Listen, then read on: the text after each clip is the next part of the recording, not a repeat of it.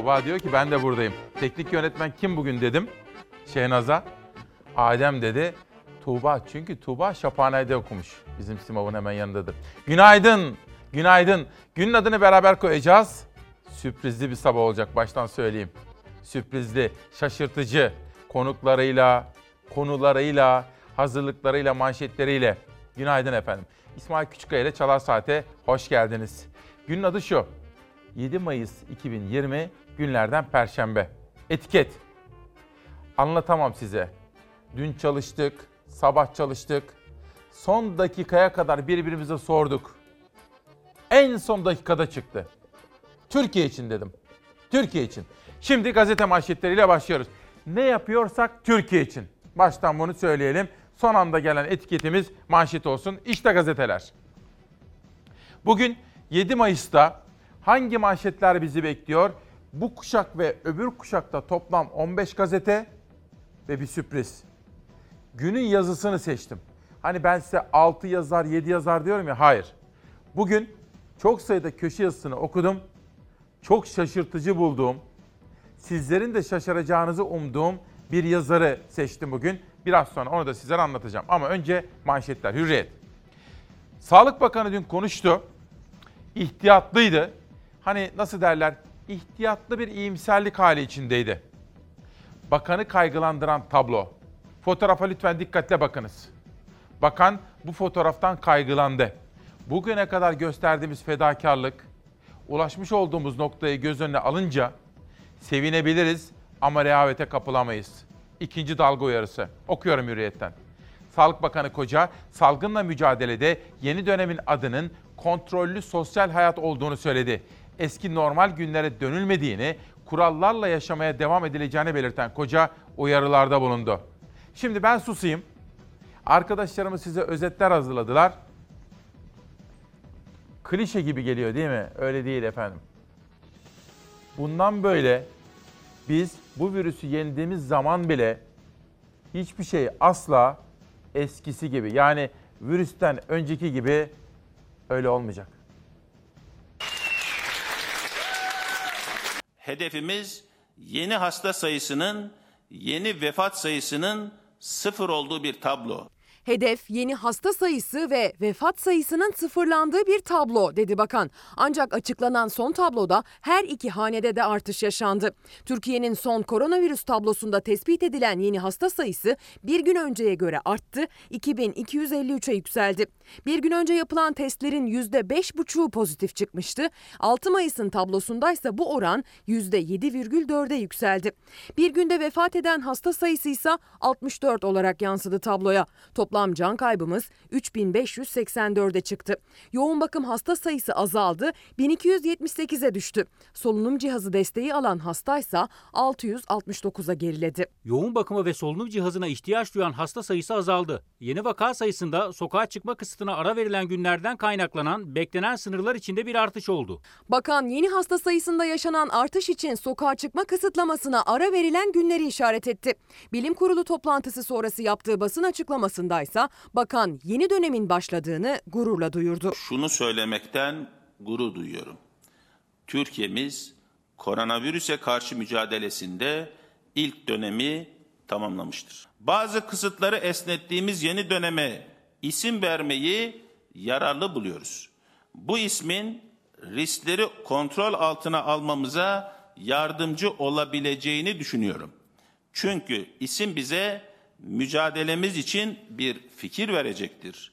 Bu isim kontrollü sosyal hayattır. Kontrollü sosyal hayat dedi yeni dönem için Sağlık Bakanı. Özgür ama tedbirli olmanın altını çizdi. Özgür ama kontrollü olacağız. Virüs konuk olduğunuz yerde, bindiğiniz asansörde, gittiğiniz berberde, beklediğiniz otobüs durağında, alışveriş yaptığınız markette, kalabalığına karıştığınız caddede karşınıza çıkabilir. Bunu tam olarak bilemezsiniz. Kısıtlamaların gevşetilmesi, tablonun olumluya dönmesi, sokaklarda daha kalabalık görüntülere, trafikte artışa ve tedbirlerin daha az ele alındığı bir sürece döndü son haftalarda. İyileşen hasta sayıları artıyor. İyileşen hastaların sayısıyla mevcut hasta sayısı arasındaki fark her geçen gün yükseliyor. Ancak dikkat edilmezse ikinci dalga kaçınılmaz diyor bakan. Risk devam etmektedir. Kontrolün kaybı ikinci bir dalganın davetçisi olacaktır. Esasında normale dönmüyoruz. Yeni hayatın normallerini oluşturuyoruz. Yeni normale geçtiğimiz ilk günlerde tedbiri elden bırakmamalıyız diyor Sağlık Bakanı. Güvenli yer hala evlerimizdir diyor. Sosyal mesafeye uyulmadığı takdirde maskenin bir işe yaramadığını söyleyen Fahrettin Koca, iki tedbirin birlikte uygulanmasını tavsiye ediyor. Özgür ama tedbirli bir hayat tarzına geçiyoruz. Kuaföre gidebileceğiz ama önce belirlenmiş önlemlerin orada alınıp alınmadığına bakacağız. Çıkıp alışverişimizi yapabileceğiz ama ulaşıma, girişlere, yoğunluğa, yakınlaşmaya dikkat edeceğiz. Toplumumuzun pratik zekası yeni hayatın olası güçlüklerine akılcı, sağlıklı çözümler üretecek, tedbirlerin uygulanması giderek kola- kolaylaşacak. Günün ilk manşetini böyle derli toplu olarak sizlere Ezgi Gözeger'in haberiyle sunduk. Günün yazıları, onu söylemeyeceğim, biraz merak etmenizi istiyorum. Ama konusu Sağlık Bakanı. Şaşırtıcı bir isim, şaşırtıcı bir gazetede Sağlık Bakanı ile ilgili şaşırtıcı bir yazı kalem almış. Biraz sonra anlatacağım. Sizler Uyanan Çalar Saat ailesi Azize Özel. Şimdi bakın, dün bir arkadaşımı aradım, Serdar. Serdar Güzelaydın benim öteden beri arkadaşımdır. İlk defa dışarıya çıktı. İsmail dedi bende maske var, eldiven var o kadar dikkat ediyorum. Ama dışarıda dedi insanlar bu tehlikeyi hiç ciddiye almıyorlar dedi. Bakın Azize Hanım da ne diyor. İsmail Bey sokakta gezen, sahillerde koşanları izledikçe çıldırıyorum, deliye dönüyorum. Ben iki aydır devletten destek almadım. Ben iki aydır işverenden maaş almadım. Ama buna rağmen evimde oturuyorum. Bilinçli bir yurttaş. Kim? Azize Özel. Bütün bu süreçte sağlıkçılar fedakarlık yaptılar ve perişan oldular. Bu bencil insanlar ne yapmaya çalışıyor diye soruyor efendim bakın. Günün ilk mesajı bu olsun. Çünkü insan olmanın en temel özelliklerinden biri kendisini değil, ötekisini, ötekini düşünmektir. Zarar vermemektir. Hürriyetten pencereye geçiyorum. Bakalım ne var. Şimdi bence önce Sayın Cumhurbaşkanı'nın açıkladığı bu normalleşme takviminde sonrasında dün Sağlık Bakanı'na da soruldu. Belli ki Sağlık Bakanı'nın da belli kaygıları var bu konuda. Ama bilim kurulu olarak tabii bazı tavsiyelerde bulunulsa da sonuçta siyasi bir takım kararlar veriliyor. Ben de doğrusu kaygılıyım açık söyleyeyim kendi adıma. Niye önce AVM açılıyor diyor bugün Pencere gazetesi. Sağlık Bakanı Koca biz kapatmadık ki açalım dedi. Bilim insanları karşı çıktı ve kimse normalleşme deyince akla önce AVM'lerin geldiğini anlayamadı diyor. Bilim insanları da AVM'lerin açılması için bu belirlenen takvimin erken olduğunu söylüyor efendim. Pencereden bir haber daha gelsin. Bakalım ne var gündemde? Yok mu bir şey? Geçelim o zaman sözcüye. Peki. Şöyle ben ilk turda birinci manşetleri aktarıyorum. İkinci turda da her gazetenin mesela Hürriyet'te Berat Albayrak haberi var. Onu sunacağım ama ikinci turda. Pencere'de başka bir haber var. Bir rüşvet iddiası o da ikinci turda efendim. Şimdi ilk turda birinci manşetler. Sözcü. İktidar CHP'ye karşı kampanya açacak. CHP lideri Kılıçdaroğlu'ndan önümüzdeki dönem için iddialı çıkış. Ankara'da gazetecilerle buluşan CHP lideri erken seçim partiye yönelik kampanya kadar her konuda açıklama yaptı. İşte sözleri. Zeynep Gürcanlı konuşmuş kendisiyle ve işte bugün Sözcü'deki manşet. Erdoğan kendisinin demokrasiyi savunduğunu, CHP'nin demokrasiye karşı olduğunu anlatmaya çalışıyor. Ama vatandaş bunlara itibar etmiyor. Çünkü gerçeği görüyor. Önümüzdeki süreçte Erdoğan ve onun yapılandırdığı kurumlar CHP'ye yönelik kampanya açacaklar. CHP'yi tasfiye edecekmiş. Kendi tasfiyesini hazırlıyor aslında diyor CHP lideri. Sayfada bir fotoğraf dikkatinizi çekecek. Dün İsmail Küçükkaya ile Çalar Saat'te ilk defa sunmuştuk o fotoğrafları size. Çünkü sıcak anlardan fotoğraf gelmişti. Bir kaynağım Biz dün bir klip yayınlamıştık. Tam o kaynak bana da o anda fotoğraf atmıştı. İşte o fotoğraf. Deniz Gezmiş, Yusuf Aslan ve Hüseyin İnan unutulmadı. CHP lideri dün orada saygı duruşunda bulundu. Sözcünün de ikinci manşetini şimdilik paranteze alıyor ve Sabah gazetesinin ilk manşetine geçiyorum. 2020 model skandal. Koronayı fırsat bilen CHP'li İstanbul Büyükşehir Belediyesi doğalgazda fatura vurgunu yaptı. İşçi maaşlarını yatırmadı. Üst yöneticiler için 2020 model araç ihalesi açtı diyor.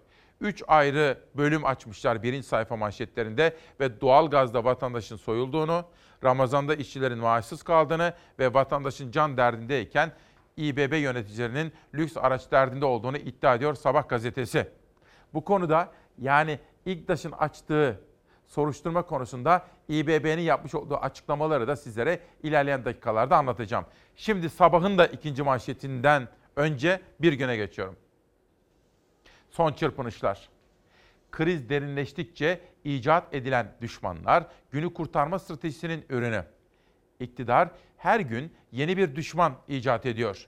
Darbe tartışmalarından ana muhalefet partisiyle baro ve meslek örgütlerinin hedef alınmasına kadar her adım günü kurtarmaya yönelik girişimler. Benzer adımların sonu gelmeyecek. Çünkü sıkıştılar. Çünkü ekonomide durum iyi değil. Gündemi değiştirmeye çalışıyorlar diyor Bir Gün Gazetesi.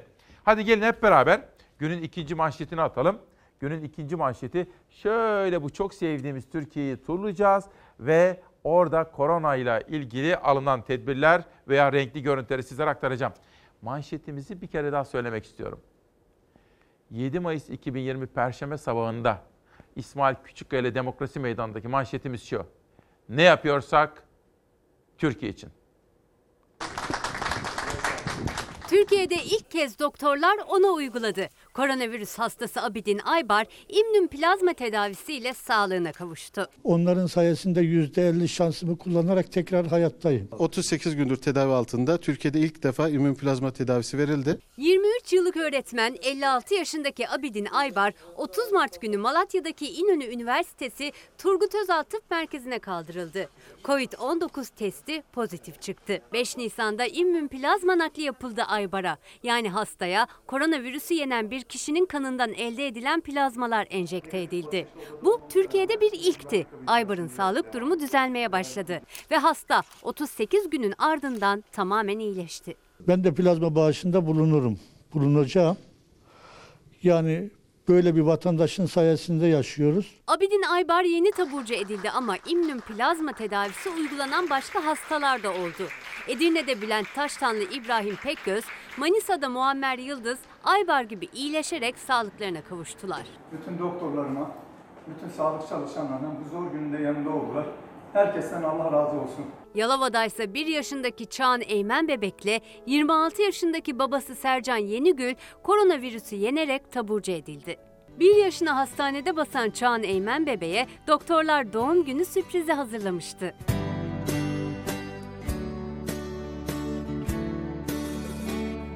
Normalleşmenin ilk adımlarının atılmasının ardından 11 Mayıs'ta açılacak olan kuaför ve berberler son hazırlıklarını yapıyor. Tek kullanımlık iş önlükleriyle e, başlayacağız. Tek kullanımlık havlular yeni nesilde yerini alacak. Antalya'nın Muratpaşa Belediyesi ise pazar günü 4 saatliğine sokak izni verilecek olan 65 yaş üstü vatandaşlar için bankları sosyal mesafe kuralına göre düzenledi. İyilik hareketleri de katlanarak çoğalıyor. Denizli'nin Bozkurt Belediyesi sosyal yardımlaşma kapsamına girmeyen ihtiyaç sahipleri için farklı bir yöntem geliştirdi. çekler hazırlıyoruz. Gıda çeki, kasap çeki, manav çeki hazırlıyoruz. Biz sadece belediye olarak e, yardımsever vatandaşla yardım edilecek vatandaşı esnafımızla buluşturuyoruz. Adana Büyükşehir Belediyesi Şefkat Köprüsü kurdu. Yardım etmek isteyen telefonla ya da internet üzerinden 85 liralık gıda kolilerinden satın alıyor. Satın alınan koliler de belediye aracılığıyla ihtiyaç sahiplerine ulaştırılıyor. Ben bir maaşımı bağışlayarak yardım kampanyasını başlatıyorum. 5 Mayıs'ı 6 Mayıs'a bağlayan gece kutlanan Hıdrellezse bu sene salgına denk geldi. Büyük çapta kutlamalar yapılamadı ama dileklere de engel olamadı. Romanların bayramı mutluluk, huzur, sevgi, baharın gelişi. Roman kardeşlerimi de sevgiyle selamlıyorum. Ben size daha önce söylemiş miydim? Benim doğup büyüdüğüm Simav'da, Karşıyaka Mahallesi'nde de bizim hemen evimizin dibinde de komşularımız vardı Roman kardeşlerim. Böyle onların hayata bakışları, neşeli tavırları beni her zaman çok etkilemiştir. Onları da buradan sevgiyle selamlıyorum efendim. Rıza Balta, iki aydır evdeyim, işsizim, artık meteliğim kalmadı kimin umurunda? Bakın işte bir Türkiye fotoğrafı. Rıza Balta, İki aydır evdeyim, işsizim, artık meteliğim kalmadı kimin umurunda? Şimdi şöyle düşünür müsünüz lütfen efendim? Evdesiniz. İki aydır evdesiniz. işsizsiniz. Ve Rıza Balta'nın dediği gibi meteliğiniz kalmadı. Lütfen canlandırın ama. Hani benim burada söylediğim haberler böyle çok uzaklardaki bir ülkeden değil ya da hani kitap okuyoruz ya şu kitaplardan falan değil ya da hani bugünlerde evlerde filmler diziler izliyoruz. O, oralardan değil efendim gerçek. Şimdi bakın bu kişi bu Rıza Bey gerçek bir insan. İşkur'un önünde bizim Merve'nin 2-3 gündür sizlere göstermiş olduğu tablodaki gibi. Onlar gerçek insanlar. Empati duygumuzu geliştirmemiz gerekiyor. Evdeyim, iki aydır işsizim, meteliğim yok. Hadi bakalım. Ne kadar zor değil mi? Canlandırmamız gerekiyor. Bir gün gazetesinde ne vardı?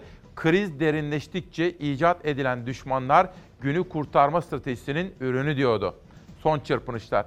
İktidar her gün yeni bir düşman icat ediyor. Darbe tartışmalarından ana muhalefet partisiyle baro ve meslek örgütlerinin hedef alınmasına kadar her adım günü kurtarmaya yönelik girişimler, benzer adımların sonu gelmeyecek diyor. Bir günden bir sonraki gazeteye geçiyorum. Karar Gazetesi'nin manşetinde Bilim Kurulu Haziran diyor. Bu arada şu bilgiyi vermek isterim. Şenaz pardon. Dün sizlere duyurusunu yapmıştım. Hayırsever kardeşlerimiz, hayırsever yurttaşlarımız İstanbul Büyükşehir Belediyesi'nin başlatmış olduğu askıda fatura uygulamasına çok yoğun bir katkı veriyorlar. Ve askıda faturasını ödeme güçlüğü yaşayan vatandaşlarımızın faturalarını ödeme konusunda en son rakamları güncelleyerek sizlere aktaracağım efendim. Bunu da bir anons olarak şimdiden yapmış olayım. İşte bilim kurulunun sözleri. Virüsün çembere alınmaya başlandığı dönemde açıklanan plan ikinci pik kaldıraç olur mu? Yani ikinci kez zirve yapar mı bu salgın? Böyle bir endişe ortaya çıktı. Uzmanlar da Mayıs'ta normalleşmeye bilimle itiraz etti. İzolasyon gevşerse vakalar yeniden artar. Bu adımlar 19 Mayıs'tan sonra masaya gelmeliydi. Riskin en yüksek olduğu AVM'ler için 1-2 hafta daha beklenmeliydi. Kademeli geçiş ancak Haziran'da konuşulabilir. Karar Gazetesi editörleri bu görüşe ulaşabilmek için, bu manşeti atabilmek için Levent Yamanel Hoca ile görüşmüşler. Mehmet Ceyhan'ın görüşlerine başvurmuşlar. İlhami Çelik ve Pınar Okyay'ın görüşlerini sayfalarına aktarmışlar. Bu arada az evvel danışmanım Nihal Kemaloğlu'ndan gelen bir mesaj vardı. Türk dilinin ustası Birhan Keskin de ne normalleşmesi? Daha işin başındayız. Ne normalleşmesi? İstanbul'un 14 gün tamamen tecrid edilmesi gerekir diyordu. Bakın o da bir Türk dil ustasının, bir şairimizin yaklaşımları. Henüz daha normalleşmenin çok başındayız. Dün Sağlık Bakanı bu konuda gerçekten yine çok temkinli açıklamalarda bulundu. Net ifadelerle herkesi uyardı. Bir sonraki gazeteye mi geçiyorum? Var mı bir detay daha? Şenaz bakalım. Geçelim Cumhuriyet'e. Cumhuriyet Gazetesi'nin manşetinde engel ters tepti. CHP'li belediyelerin kampanyalarını durduran iktidara dayanışmayla ders. Bu bir dakika beklesin. Pardon. Az evvel yurdumuza bakmıştık. Şimdi de Beyza Gözeyik tarafından hazırlanan dünyadaki gelişmeler. Yani 6 Mayıs'tan 7 Mayıs'a geçerken bütün dünyada korona ile mücadele kapsamında meydana gelen gelişmelerin haberi. Trump uzmanların tedbirlerin gevşetilmesi halinde bir günde yaşanan can kayıplarının 3000'i bulabileceği uyarısını dikkate almadı. Ekonominin açılmasına ve Kasım ayındaki seçimlere odaklandı. Her gün binlerce yeni vakanın tespit edildiği Rusya'da Başbakanın ardından Kültür Bakanı da virüse yakalandı. Tüm dünya yeni tip koronavirüsü Covid-19 ile mücadele ediyor. Salgının yayılma hızı yavaşlayıp normalleşme adımları atılsa da hem vaka hem de can kayıplarına yenileri ekleniyor.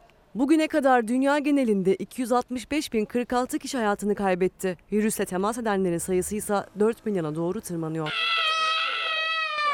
Vaka ve can kaybında listenin zirvesinde Amerika var. Son 24 saatte hayatını kaybedenlerin sayısı 2500'ü geçti. Bugüne kadarki can kayıpları 75 bine doğru çıkarken ülkede kısıtlamaların kaldırılması tartışılıyor. Trump yönetimi ekonominin bir an önce faaliyete geçmesinden yana. 30 milyon kişinin işsizlik maaşına başvurduğu Amerika'da Trump, işlerini kaybedenlerin psikolojik sorunlar yaşadığını savundu. İnsanları işe döndürmeliyiz dedi. Trump önlemlerin gevşetilmesiyle can kayıplarının yaşanacağının farkında olduğunu söyledi. Bilim insanları ise başkanın kararına tepkili. Kısıtlamaların kalkmasıyla bir günde hayatını kaybedenlerin sayısının 3000'i bulabileceğinin altını çizdiler. Bu gidişatın can kaybını Ağustos'a kadar 135 bine çıkarabileceği öngörüsünde bulundular. Normalleşme adımlarının atıldığı Avrupa'da ise can kaybının 30 bini aştığı İngiltere, İtalya'yı geçerek en fazla ölümün yaşandığı ülke oldu. Kısıtlamaları gevşeten İtalya'da virüs 29.684 can aldı. Yapılan bir araştırmada ise endişe verici sonuçlar ortaya çıktı. Rapora göre İtalya'da nüfusun beşte biri normal hayatı geri döndüğünde 5 bin, %40'ı geri döndüğünde ise en az 23 bin kayıp daha yaşanabilir. Hafta sonu tedbirleri gevşeten İspanya'da 4 gün sonra bir ilk yaşandı. Bir günde ölenlerin sayısı yeniden 200'ün üzerine çıktı. Ancak aktif vaka sayısı düşmeye devam ediyor. Rusya'da işler yolunda gitmiyor. Son 24 saatte 10.559 yeni vaka daha tespit edildi. Son 4 günde her gün bir önceki günden fazla vakaya rastlandı. Virüs tespit edilenlerden biri de Kültür Bakanı Olga Lubimova oldu. Tedbirleri gevşeten ülkelerde liglere dönüş hazırlıkları da başladı. İspanya Futbol Federasyonu La Liga'nın başlama tarihi olarak Haziran ortasını işaret etti. Sahalara ilk dönen ülke Güney Kore oldu. Almanya'da ise ligler 15 Mayıs'ta açılıyor.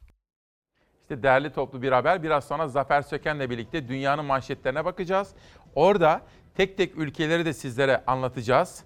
Sonra Savaş Yıldız'la birlikte seçtiğimiz yerel gazetelerle Diyarbakır'dan İzmir'e kadar bir Türkiye turuna çıkacağız. Hani hep söylüyoruz ya büyüklerimizi arıyoruz, annelerimizi, babalarımızı bakın. Fatih Bakır ne diyor? Annem Hacer Adana'da, kardeşim de kalıyor. Ceyhan'daki evime götürün diyor. Sen söyler misin İsmail Bey? Seni dinler belki biraz daha sabretsin. Hacer anne, dün de Trabzon'dan bir annemle konuştum. Afife annemin sağlığını öğrendim önce. Hastanede hala ama şükürler olsun gayet iyi Afife Sezer.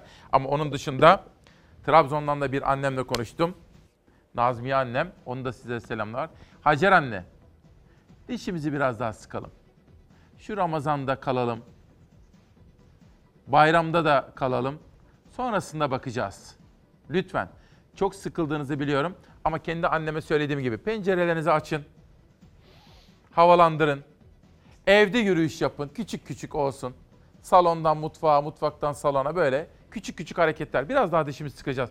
Çünkü aldığımız bütün bu önlemler sizi korumak için. Belki de Fatih kardeşimin kardeşi bulaştırıcı olabilir. Sizlerde bir sorun yok. Ama bizler taşıyıcı olabilir ve sizlere bulaştırabiliriz. Lütfen. Lütfen beni dinleyin. İsteriz. Lütfen. Evet şimdi engel ters tepti.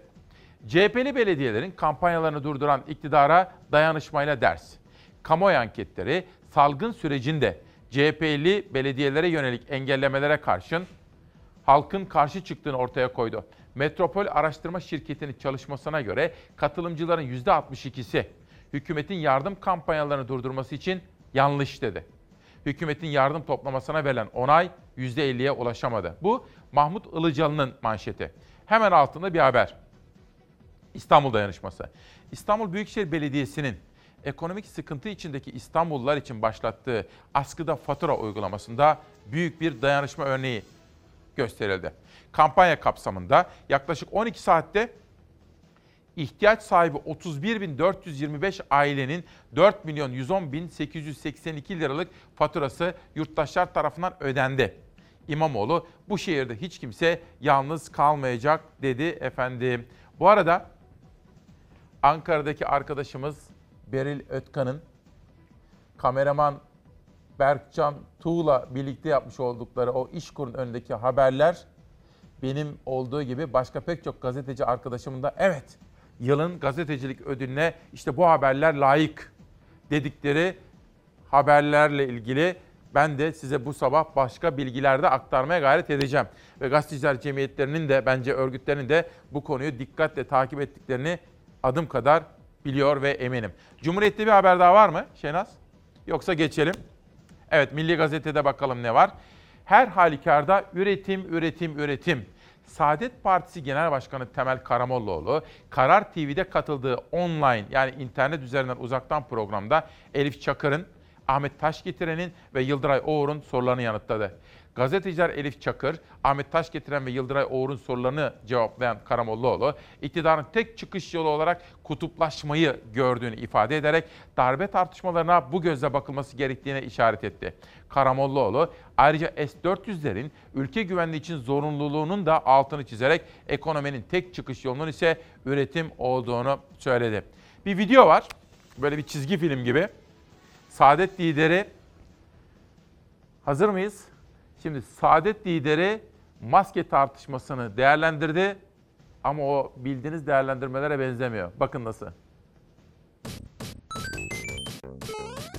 Koronavirüs her geçen gün daha da yayılırken herkes virüslerden korunmanın yollarını arıyor. Cumhurbaşkanı Erdoğan her sabah dut pekmezi yediğini söyledi. Halkımızın toplu olarak bulunduğu mekanlarda maske takılmasını zorunlu hale getirdik. Valiliklerimiz E-Devlet ve PTT aracılığıyla talep eden tüm vatandaşlarımıza ücretsiz maske dağıtımına başladık, başlıyoruz, devam edeceğiz. Her yerden maske alamıyorsunuz. Size bir mesaj gelecek. O mesajla gideceksiniz. Aile fertleri için kişi başına işte 5 tane verecekler. E yarın öbürsü gün peki bu mesaj size gelmezse ne olacak? Şu anda bir maske problemi yoktur demek maske probleminin olmadığı manasına gelmiyor. Maske alamayanlar mı? Şimdi hem vatandaş hem de eczacılar dertliydi maske konusunda. Pek çok kişiye maske için kod ulaşmadı. Eczanelerde maske soranların yoğunluğu yaşandı. Ancak artık bu kargaşa çözüldü. Maske satışına izin çıktı. Piyasada satışına izin vermediğimiz cerrahi maske ve bez maske satışına halkımızın kolayca ulaşabileceği yerlerde izin vermeyi planlıyoruz.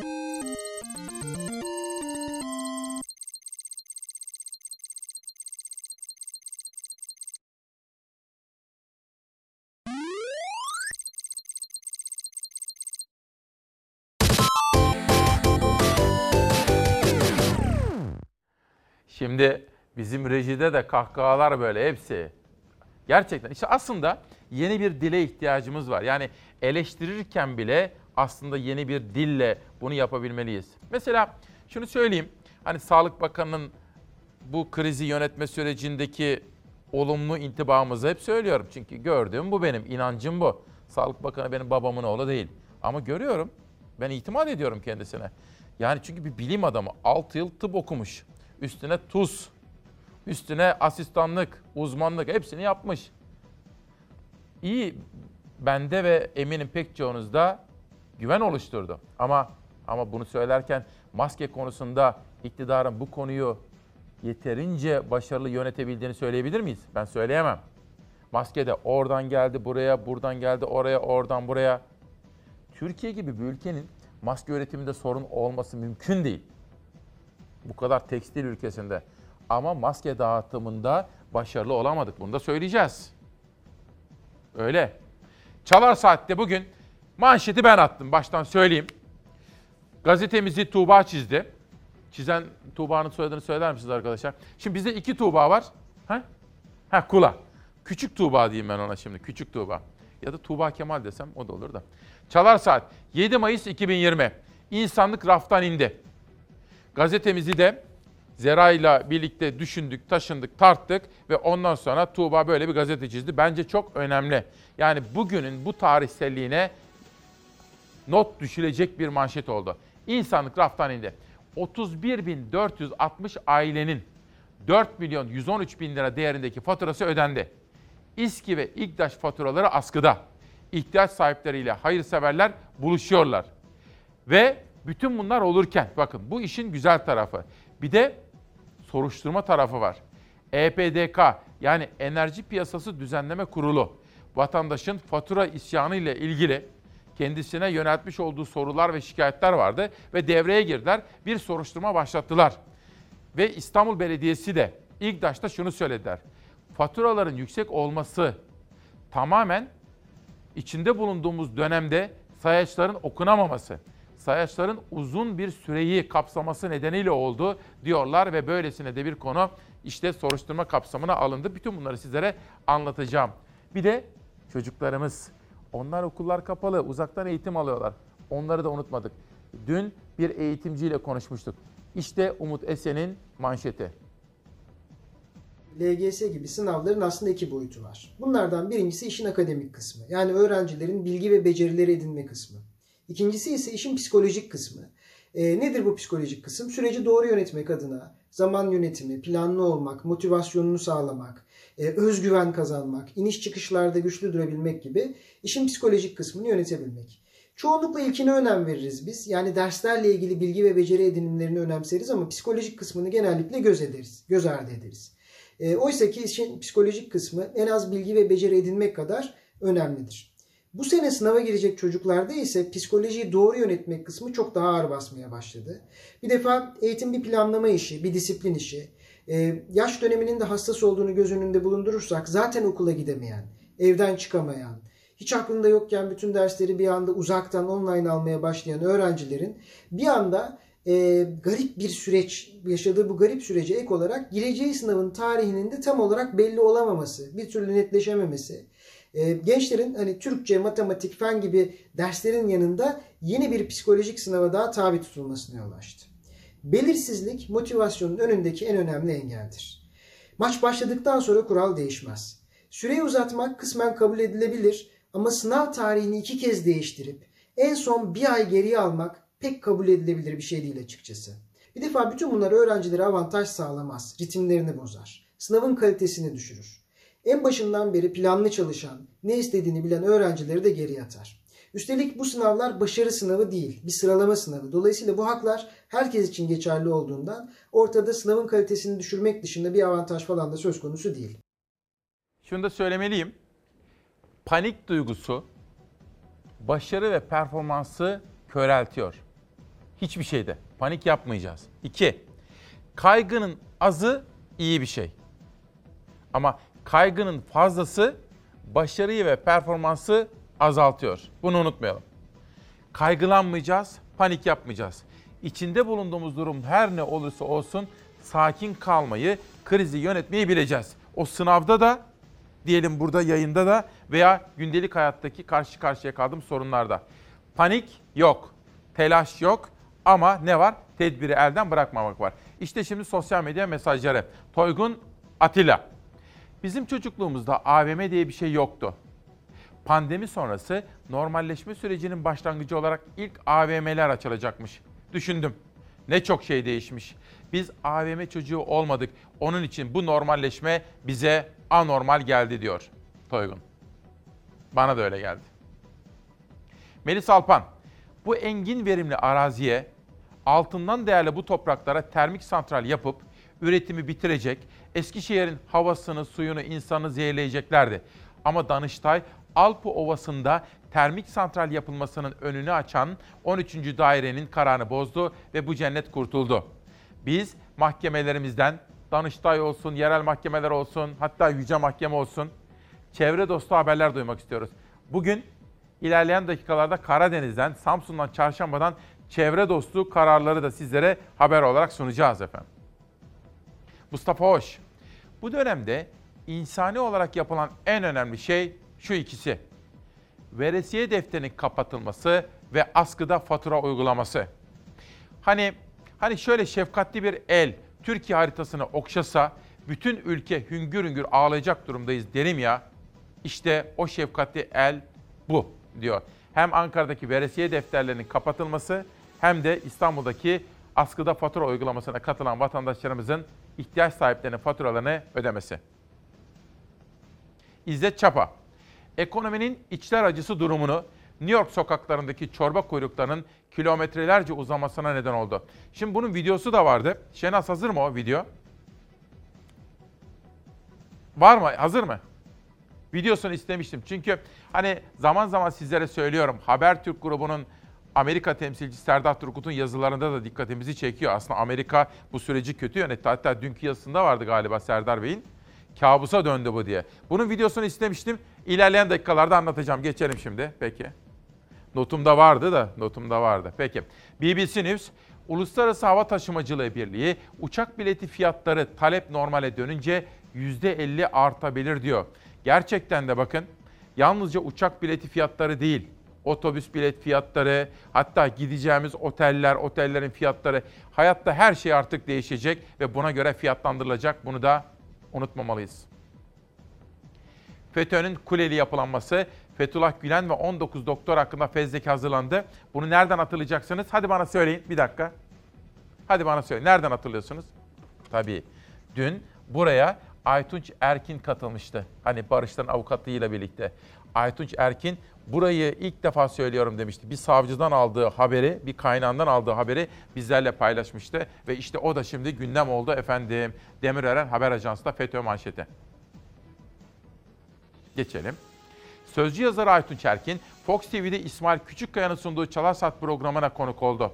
Erkin, 7-8 aydır Sözcü gazetesine basın ilan kurumundan öyle bir baskı var ki dedi. 2 milyon liraya yakın resen ceza verildiğini de söyledi efendim. Sizler için bir Mersin'e götürebilir miyim?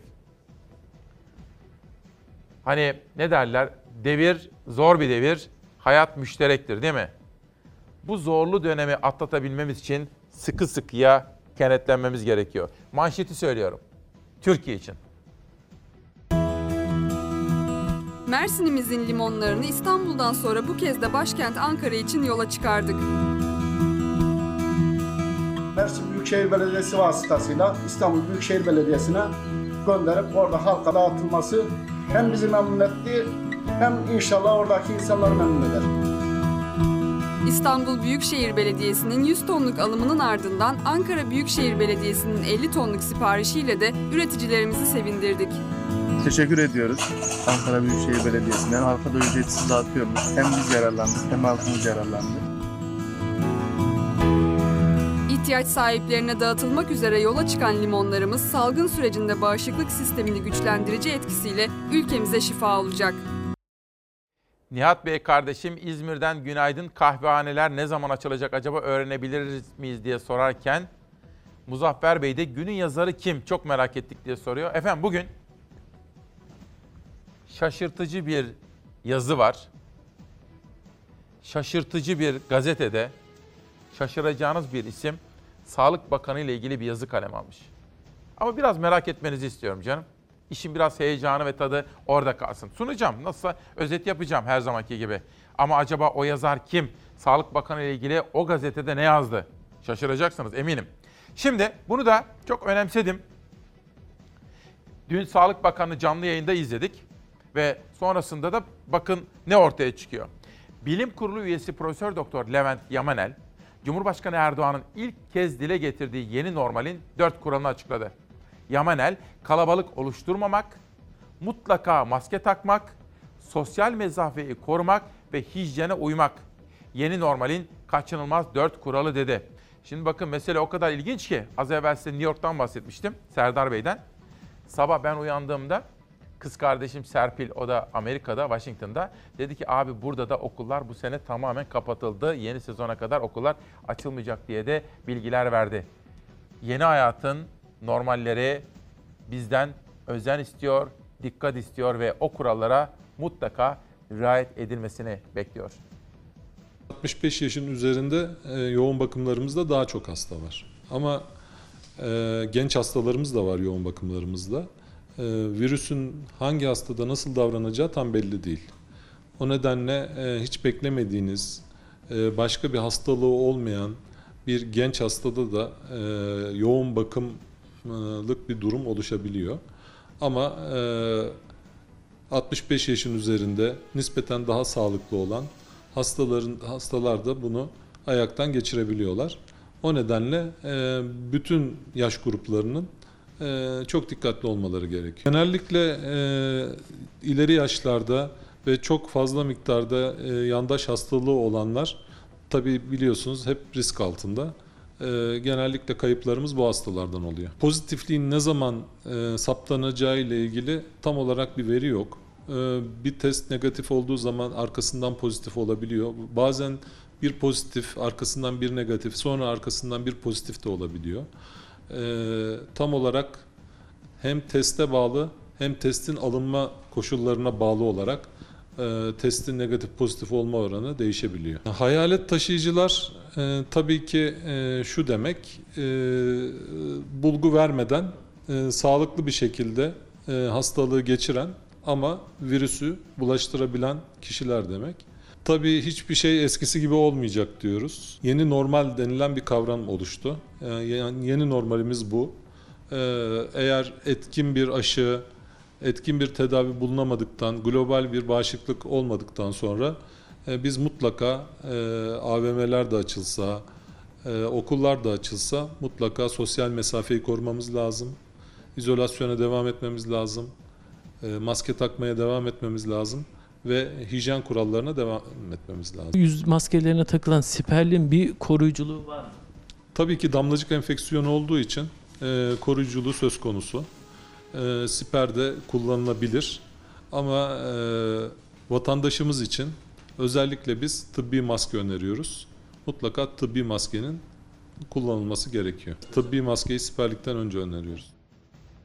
İşte bu çok önemli. Hayatın yeni normalleri. Alp Kahraman Türk bize Türk lirasının ne kadar da değer kaybettiğinin fotoğrafını ve bir banknot eşliğinde göndermiş. Ceyda Bulut mesajınızı aldım. Osman Bey de biraz evvel belediye ile ilgili bilgileri benimle paylaşmış. O da askıdaki bir faturayı ödemiş Osman Bey ama soyadımı söylemeyin diyor. Teşekkür ediyorum. Az evvel bakmıştım. İstanbul Büyükşehir Belediyesi'nin askıda fatura uygulaması. Sabah arkadaşlarıma da söyledim. Sürekli dedim Murat Ongun'da ve Ekrem İmamoğlu'nun tweetlerinde vardır. Güncellenmiş bilgileri sürekli arkadaşlarıma aktarıyorlar. Size şöyle söyleyeyim. İstanbul Belediyesi'nin başlattığı askıda fatura uygulaması en son bilgi. Toplam ödenen 41.883 fatura. Bak düşünsenize. Bugün 41.883 ailenin faturası ödendi. Toplam 5 milyon 27 bin 92 lira. İnsanın hoşuna gidiyor bunlar. Değil mi? Ankara'daki gibi veresiye defterlerini kapatıyorlar. Belediye başkanlarımız da bunlara aracı oluyorlar. Ne kadar güzel bir uygulama aslında değil mi? Şimdi iki kitap tanıtımı yapmak istiyorum. İlerleyen dakikalarda anlatacağım. Henüz okuyamadım. Özdemir İnce imzalayarak bana yollamış. AKP'nin kısa tarihi. Teşekkür ederiz kendisine. Bunun dışında Nur Yaramaz, Çanakkale Bigalı bir yazar. Yarım kalmış Sonbaharım isimli kitabıyla Çalar Saat'te. Bu arada Serdar Bey biraz evvel bana bir bilgi gönderdi. Serdar Turgut. Bak diyor ki bugün ABC TV'de, ABC televizyonunda Eylül ayında aşının çıkacağına dair bir haber varmış efendim. Onu da sizlere aktarmış olalım. Arkadaşlarım da takip etsinler. Hani dedik ya Sağlık Bakanı başarılı. Bizim üzerimizde güven tesiri bıraktı. Ama şunu da görüyorum. Sağlık Bakanı uygulaması dışında geneli itibariyle onu da görüyorum. Maske konusunu iktidar başarılı bir şekilde yönetemedi. Belki Türkiye'nin maske sorunu yok, sıkıntısı yok ama maske dağıtımında sorun var. Nereden biliyorum? Hiçbirim, benim etrafımdaki hemen hemen hiç kimseye soruyorum. Anneme, işte dün danışmanıma sordum Nihal Kemaloğlu. Sana geldi mi dedim. Gelmedi dedi. Maske konusunun dağıtımında çok ciddi bir şekilde organizasyon bozukluğu var. Bu da net. Kesinlikle parayla maske satışı yasaktır. Cerrahi maske ve bez maske satışına halkımızın kolayca ulaşabileceği yerlerde izin vermeyi planlıyoruz. Önce kesinlikle yasak, bir ay sonra satışı serbest dendi. PTT ve eczaneler aracılığıyla dağıtımında aksaklıklar yaşanınca maske konusunda yön değiştirildi. Maskeye ihtiyacın daha fazla olacağını biliyoruz.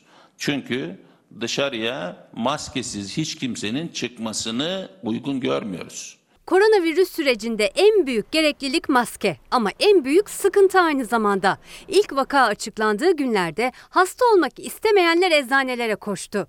Yoğun taleple birlikte tükendi maskeler. Fiyatlar da arttı. Maskelerle ilgili e, ne yazık ki çok ciddi bir kaos yaşıyoruz. Gereksiz bir kaos oluştu. 50 kuruşluk maskeler şu an 10 liradan fiyat veriliyor. Sonra pek çok yöntem denendi. Filtreli maskeler reçeteli satılacaktı olmadı. Ardından E-Devlet başvurularıyla PTT çalışanlarının dağıtması gündeme geldi. Site kilitlendi. Tekrar eczane formülü devreye sokuldu. Telefona şifre gelen eczaneden gidip alacaktı maskesini. Kimine o şifre hiç gelmedi, gelene de 5 maske yetmedi. Bekliyorum mesaj gelecek diye gelmiyor. Başka bir formülü var mı bunu almanın? Formülü yok. Başka formülü yok. Siz herhangi bir yere Maske yok değil, maske var. Şu an 3 poşet elimde maske var ama veremiyoruz. Son olarak çalışanlara çalıştıkları iş yerleri maske temin edecek formülü de çare getirmeyince vatandaşlar merdiven altı sağlıksız maskelere yüksek ücretler ödemeye devam edince yasaklanan satış tekrar serbest oldu. Üst fiyat limitinin 1 lira olması gündemde. İstanbul Eczacılar Odası'na göre devlet tarafından verilen maskelerin bir kısmı kalitesiz ve virüse karşı koruyuculuğu olmayan maskeler. Maliyeti 50 ila 75 kuruş arasında olduğu için de 1 liradan satılabiliyor. Ancak yüzümdeki gibi teli olan katmanlı cerrahi maskelerin fiyatı daha yüksek. Koruma katmanı yoktu önünde. Tekstil maske dediğimiz tamamen bir bez parçasından oluşan, sadece tek bir katmandan oluşup e, hatta delikli delikli olanlar. Ve bu maske 1 liradan çok rahatlıkla satılabilir. Elektrostatik koruma sağlayan 3 katlı telli bir maskenin e, o fiyatlara üretebilmesi ve satılması mümkün değil. Fiyat açıklaması cuma günü yapılacak. Satışsa eczaneler dışında marketlerden de olacak. Birçok yerden alabilmelerinin önü açıldı. Tavan fiyatı olmak kaydıyla. Bu yeni dönemde ihtiyacı daha fazla olabilecek vatandaşımız olacak. Çünkü bu dönemde evde kalmayıp e, kısıtlı serbestliğin olduğu ikinci dönem olduğu için ihtiyacı daha fazla olabilir. Hani biz şöyle yapıyoruz ya, eleştirirken net ama yapıcı. Yapıcı bir değil ama net. Ve eleştirirken çözüm önerisi. Bana da sormuş bir izleyenim biraz evvel Instagram'da. Bakın yanıtını ben vermeyeyim Mustafa Kemal versin. Mustafa Kemal Gümüş, Kasımpaşalı. Maskeyi muhtarlar aracılığıyla verilseydi maske başarılı olurdu. Trafik cezaları muhtarlardan geçiyor. Maskeler de geçerdi eminim daha düzenli olurdu diyor. Bakın çok doğru bir açıklama. Belediyeleri ve muhtarları devreye sokabilseydik maske dağıtımında bu sorunlar olmazdı. Bir başkası İbrahim Bey. Pazarcılar esnafı zor durumda. Giyim tezgahlar açılması için izin istiyoruz diyor pazarcı esnafı. Ömer Geçim. Engelli atamaları yapılsın abi mağduriyetler giderilsin diyor efendim. Bana kısa bir reklam arası verirseniz size günün şaşırtıcı yazısını ve günün yazarını anlatacağım. Sonra şaşırtıcı bir konuğumla Türkiye'nin ekonomisine ve siyasetine yakından bakacağız. Tekrar ediyorum. Bu sabah İsmail Küçükkale Demokrasi Meydanı'ndaki manşetimiz Türkiye için ve Gülten Akın şiiri. Hani zorlu dönemlerden bile geçsek yüzünüz gülsün. Bu da geçer yahu diyelim. Bakın şair ana Gülten Akın bunu nasıl anlatıyor. Gülerken yüzün aşıyor geçmişin acılarını, aşıyor. Kendini yarına değiştiriyor. 7 Mayıs 2020 günlerden Perşembe. Günaydın. Hoş geldiniz. Çalar Saat ailesi. Ne yapıyorsak Türkiye için. Bugünkü manşetimiz bu. Şenaz hazır mıyız ikinci tur manşetlere? Buyurun başlayalım. Türkiye için bugün ikinci turda hangi gazetelerin ikinci manşetlerini seçtik bakalım. Önce Sözcü. Bankasya'ya para yatırdı. Amerika'daki terörist başı Fethullah'ı ziyaret etti. Sahte kimlikle yakayı ele verdi ama FETÖ'nün yeğeni tahliye edildi. Yeğen Zeynep Gülen geçen yıl İstanbul'daki polis kontrolünde yakalanıp tutuklanmıştı. Yapılan incelemede FETÖ'nün para yatırın talimatının ardından örgütün bankası Bankasya'ya 75 bin lira yatırdığı belirlendi. İfadesinde Fethullah Gülen'in yeğeni olduğunu, onu ziyarete gittiğini itiraf etti. 15 yıl hapsi istendi. Mart'ta tahliye oldu diyor. Sözcü gazetesi de böyle çarpıcı bir haber dikkatimizi çekiyor. Geçelim bir sonraki manşete. Karar gazetesi. Türkiye parti devleti oldu. Saadet Partisi lideri Karamollaoğlu, AK Parti için iktidarda kalmak artık nefsi bir durum haline geldi. Türkiye parti devletine dönüştü dedi. Özellikle darbe söylentileriyle ilgili olarak AK Parti'den başka hiç kimsenin işine yaramıyor. Sokaktaki vatandaş darbe yapamaz. Bu tip iddialar menfaati olanlar tarafından üretiliyor dedi efendim. Bir sonraki gazeteye geçiyorum. Sözcü ve karardan sonra Milliyet. İlk düdük 12 Haziran'da. Dün sizlere anonsunu yapmıştım. Futbol Federasyon Başkanı Nihat Özdemir bu konudaki kararları açıkladı. Bunun çok detaylı haberini hazırlıyoruz. Bittiği dakikada ligler ne olacak, nasıl oynanacak sizlere yanıtını vereceğiz efendim. Milliyeti de şimdilik geçiyor ve bir sonraki gazete Hürriyet'e ikinci manşetine bakıyorum. Rezervimiz fazlasıyla yeterli. Uluslararası yatırımcılarla telekonferans buluşması yapan Maliye Bakanı Berat Albayrak, Türk ekonomisiyle ilgili dünyaya önemli mesajlar verdi. 4.7 milyar dolar borç kaldı 2020 yılında ödenecek ve gerek Merkez Bankası'nın gerekse bankaların ve özel sektörün borçları çevirmede bir sorun yaşamayacağını söylüyor ekonominin başındaki isim olan Berat Albayrak. Geçelim. Bir gün gazetesi. Bakalım ne geliyor? Son çırpınışlar. Kriz derinleştikçe icat edilen düşmanlar günü kurtarma stratejisinin ürünü.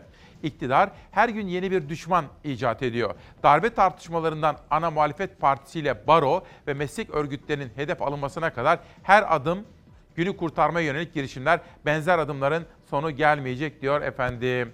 Ve dünün en önemli manşetlerinden birisiyle Fahrettin Koca'nın yapmış olduğu uyarılar, tavsiyeler. O manşetle devam ediyorum. Dönüşte sizlere söz verdiğim o günün şaşırtıcı yazarı acaba kim ve ne yazdı? Başlayan yeni dönem bildiğimiz anlamda tipik bir normalleşme dönemi değildir. Kısıtların biraz esnediği dönemdir. Hayatımızın sağlığımızı garanti edecek şekilde kısmen özgürleşmesidir. Yeni dönem tedbirlerle özlemlerin sentezidir. Başlayan günler 11 Mart'tan bu yana gösterdiğimiz çabanın şimdiki ödülüdür. Ama bu ödül büyük ödül değildir. Hassas davranmazsak serbestlik yeni mecburiyetlere yol açar. Risk devam etmektedir. Kontrolün kaybı ikinci bir dalganın davetçisi olacaktır. Bunu birçok ülkede gördük. Salgın yeni ölümlerle ilk başarıları adeta sıfırladı. Koronavirüs olayı 60 milyondan fazla insanın hayatını kaybettiği İkinci Dünya Savaşı'ndan sonra bütün dünyayı aynı anda ilgilendiren ortak gündem olan ilk olaydır. Sadece bu bilgi bile meselenin büyüklüğünü ortaya koymakta, salgından öncesine dönüş sözünün kolay zikredilemeyeceğini göstermektedir. Günün yazarı deneyimli gazeteci yazar Nazım Altman. Yazdığı konu Sağlık Bakanı. Müthiş, çok konuşulacak bir Sağlık Bakanı portresi çıkarmış bu sabah. Onu sizlere özet yapacağım. Ama ilk sinyalleri verdim. Günün yazarı kimmiş? Nazım Altman'mış, deneyimli yazar. Kim yazmış? Sağlık Bakanlığı. Nerede? Bir günde. Ne yazdı? 3 dakika sonra sizlere anlatacağım. Önce Diyarbakır'dan İzmir'e haber turu. Sisteme ayak uydurmaktan yorulduk diyor Diyarbakır Yeni Gün gazetesi. Öğrencilerimizle yapılan bir röportaj var burada bakın. Ve öğrencilerimiz, eğitimcilerimiz bu yapboz tahtasına dönen sistem konusunda tabii Milli Eğitim Bakanı maalesef açık söyleyeyim. Söyleyeyim onu pardon. Milli Eğitim Bakanı ilk atandığı zaman da kendisine hayırlı olsun ziyaretine gitmiştim. Pek çok bakana gittiğim gibi. Ama açık söyleyeyim bende hayal kırıklığı yarattı. Çok açık bir şekilde söylemeliyim bunu. Aç, hayal kırıklığı yarattı. Çok çelişkili kararlar alındı. Öğrencilerimizin kafası karıştı. Bunu da söyleyelim. Diyarbakır'dan İzmir'e geçiyorum. Yeni Asır Gazetesi, Korona Partisi, Çeşme'nin CHP'li belediye başkanı Ekrem Oran, CHP ilçe başkanı meclis üyeleri ve partiler plaj partisi yaptı. Tekke plajında Hıdrellez ateşi yakan CHP'ler maskede sosyal mesafe kuralına da takmadı diyor ve fotoğraflar eşliğinde İzmir gazetesinde Erhan Gülenc'in bir haberi yer alıyor.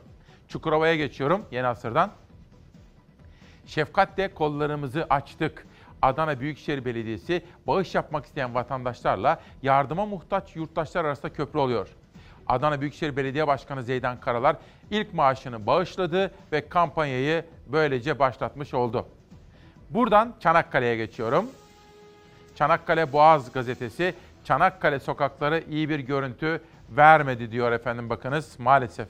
Maalesef. Türkiye'nin genelinde nerede böyle yok? Artvin'de yok, Giresun'da yok, Hopa'da yok ama Türkiye'nin genelinde maalesef bu görüntüler yer aldı.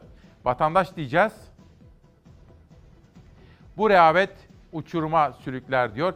Zorunlu işi olmayanların dışında sokağa çıkılmaması gerektiği halde aslında rehavete kapıldık diyor. Yine Vatandaş Gazetesi'nde Süloğlu Belediyesi'nden berberlere müjde haberi dikkatimi çekiyor. Koronavirüs salgın nedeniyle 22 Mart tarihinde baş kapanan berber ve kuaförlerin 11 Mayıs itibariyle sağlık kurallarına uygun bir şekilde açılacağının duyurulması sonrası Süloğlu Belediye Başkanı Orman Kıran berberlere 10 parçadan oluşan malzeme desteği vereceklerini söyledi. Bu da yer almış gazetede. Hakimiyet nerede bakalım? Darbeyi düşünmek vatana ihanettir son günlerin en çok konuşulan darbe tartışmalarını gereksiz bulduğunu, Kenan Evren'in cenaze töreninden darbe yapanların halini gördüklerini ifade eden CHP Elazığ Milletvekili Gürsel Erol, darbelere karşı olduklarını belirterek iktidarın gündem değiştirmek için algı oluşturmaya çalıştığını iddia etti diyor. Biraz önce sizlere Milliyet Gazetesi'nden bir haber okumuştum. Şöyle bakalım. Futbol severlerin merakla bekledikleri kararlar açıklandı. Sağlık Bakanı burada dedi sorumluluk bu kararı özgür iradesiyle alan Futbol Federasyonu'nun dedi. İlk düdük 12 Haziran'da Futbol Federasyon Başkanı Nihat Özdemir aldıkları kararları açıkladı. Ama tekrar ediyorum. Sağlık Bakanı Koca dedi ki kendi özgür iradeleriyle aldıkları bu kararın bütün sorumluluğu Futbol Federasyonu'nun üzerindedir. Süper Lig, Birinci Lig, İkinci Lig, Üçüncü Lig ve bölgesel amatör liglerimizi 12, 13 ve 14 Haziran haftasında başlatma kararı aldık. Özgür kendi iradeleriyle kararı federasyon zaten verdi. Dolayısıyla bundan sonraki sorumluluk da federasyonundur. Türkiye Futbol Federasyonu ligleri Haziran ortasında başlatma kararı aldı. Sağlık Bakanı Fahrettin Koca karar da sorumluluk da federasyondadır diye konuştu. Sözlerinde sitem var gibiydi. Bu kararımızla liglerin belirlendiğimiz takvimde oynanması için Sağlık Bakanlığımıza müracaat edeceğiz. Sağlık Bakanlığımız da konuyu bugüne kadar değerli çalışmalara imza atan bilim kuruluna havale edecek. Federasyonun özgür iradesiyle kendi kararını verebileceğini, bunu bakanlık olarak veya bilim kurulu olarak asla herhangi bir e, öneride ve yaklaşımda veya katkıda bulunmak istemediğimizi ifade etmiştim. Ve halen o noktadayız. Koronavirüs pandemisi nedeniyle Mart ayının 3. haftasında Türkiye'de ligler ertelendi. Salgının kontrol altına alınmaya başlamasıyla liglerin yeniden başlayacağı tarih tartışıldı. Futbol Federasyonu Başkanı Nihat Özdemir o tarihi açıkladı. Şimdilik olmak kaydıyla elimizde değişik senaryolarımızın da bulunmakla birlikte liglerimizi 12, 13 ve 14 Haziran haftasında başlatma kararı aldık. Başkan Özdemir maçların seyircisiz oynanacağını söyledi. Ligleri 26 Temmuz'da tamamlamak istediklerini açıkladı. Liglerimizi en güzel şekilde Temmuz ayı sonunda tamamlayacağız. Nihat Özdemir maçların hangi şartlarda oynanacağını Sağlık Bakanlığı'na soracağız dedi. Sağlık Bakanı Fahrettin Koca ise bilim kurulunda futbol maçlarıyla ilgili bir görüşme olmadığını açıkladı. Sağlık Bakanlığı ve Bilim Kurulu beraber yapacakları çalışmalar sonrasında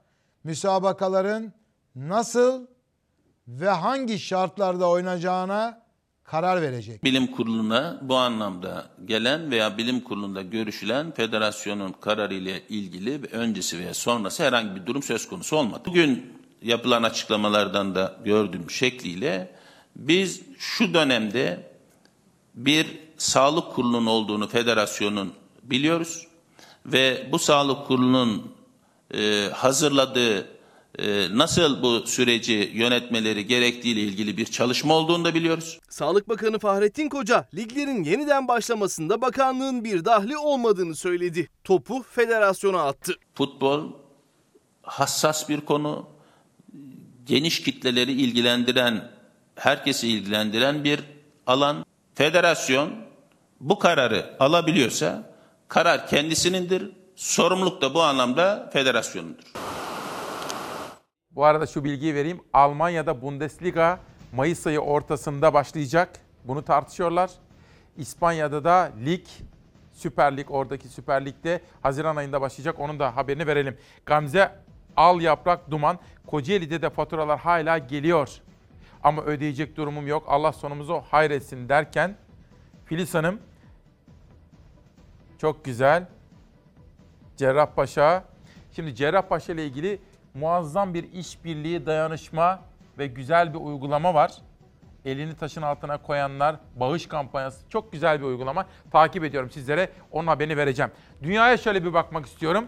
Bu arada Ankara'da bir genel başkan konuğum var. Birkaç dakika içinde sizlerle bulaştıracağım. Ekonomiden siyasete, yaptıkları kongreden Türkiye'nin geleceğine dair sorularım var kendisine sormak istediğim ve acaba biraz sonra nasıl yanıtlayacak çok merak ediyorum. Önce Liberasyon gazetesine şöyle bir bakıyorum. Afrika nasıl direniyor? Yani karşı karşıya kaldığımız salgında Afrika kendisini nasıl koruyor? İşte tam sayfa bir haber Liberasyon'da. Oradan Independent gazetesine geçiyorum. İngiltere test meselesini hala çözemedi ve günde 100 bin test yapacağız sözünü vermelerine rağmen başta sağlık çalışanları ve kritik sektörlerde çalışanlar olmak üzere tıbbi malzeme ve test kiti ihtiyacı eksikliği nedeniyle İngiltere Başbakanı yaylım ateşi altında. Aynı olay ve manşet The Guardian'da da var. Geçelim. Guardian'da da verilmiş olan sözler bir türlü yerine getirilemedi ve günde 100 bin test yapacağız şeklindeki vaatler çürümüş oldu ve İngiltere'de hükümet bu konuda eleştiri alıyor. Almanya'ya geçiyorum. The Welt gazetesi Amsterdam'dan bir fotoğraf. Fotoğrafa lütfen dikkatle bakınız. İzolasyon zerafeti diye bir manşet dikkatlerimizi çekiyor. Bundan böyle restoranlarda, lokantalarda da bu hijyen kurallarına olduğu gibi sosyal mesafe, güvenli mesafe kurallarına da riayet edileceğine dair bir Almanca yazı The Welt'te. El Mundo'ya geçiyorum. İspanya'dayız. İspanya'nın gazetesinde bakalım koronavirüse ilişkin hangi manşetler var? Önce yukarıda hemen logonun altında Başbakan Sanchez muhalefetten 6 haftalık bu kritik süreçte destek istiyor. Hemen alt tarafta bakın şurada futbol. Hani bizde biraz evvel söylemiştim sizlere. Bizde liglerde 12 Haziran'da başlayacak. Burada da yani İspanya'da da futbol başlıyor. Haziran ortasında La Liga'da top başı yapılacak denilmekte. Sırada bir dünya manşeti var. Dönüşte Ankara'dan önemli bir konukla gündemi konuşacağız. I can tell you that there is a significant amount of evidence that this came from that laboratory in Wuhan. My opinion is they made a mistake. They tried to cover it. Trump ardı ardına çelişkili açıklamalarda bulundu. Dışişleri Bakanı Pompeo da bu çelişkili açıklamalara yenilerini ekledi. Çin ve Amerika arasındaki virüs gerilimi gittikçe düğümlenirken Başkan Trump'ın öncelikli gündemi ekonomi oldu. Amerika Birleşik Devletleri'nde salgının durumu ciddiyetini koruyor. Bugüne kadar virüse bağlı hayatını kaybedenlerin sayısı 75 bine yaklaştı. Şu an ülke genelinde 975 binden fazla COVID-19 hastası bulunuyor. Virüste temas eden insanların sayısı 1 milyon 200 bini geçti. Başkan Trump hem ekonomik durumun kötüleşmesi hem de artan baskılarla eyaletlerin kademeli açılmasını gündemine aldı. Salgın bu kadar kötü seyrederken uzmanlar henüz tedbirlerin gevşetilmesini erken buldu. Ancak Trump insanlar işe dönmek zorunda dedi. Trump ara verdiği seyahatlerini Arizona ile başladı, Iowa ile devam etti. İki eyaletin de vali ve belediye başkanlarıyla görüştü. Tedbirleri gevşetmek için yol haritasını konuştular. Ancak uzmanlar tedbirlerin gevşemesi halinde bir günde yaşanan can kayıplarının 3000'i bulacağını ifade ediyor.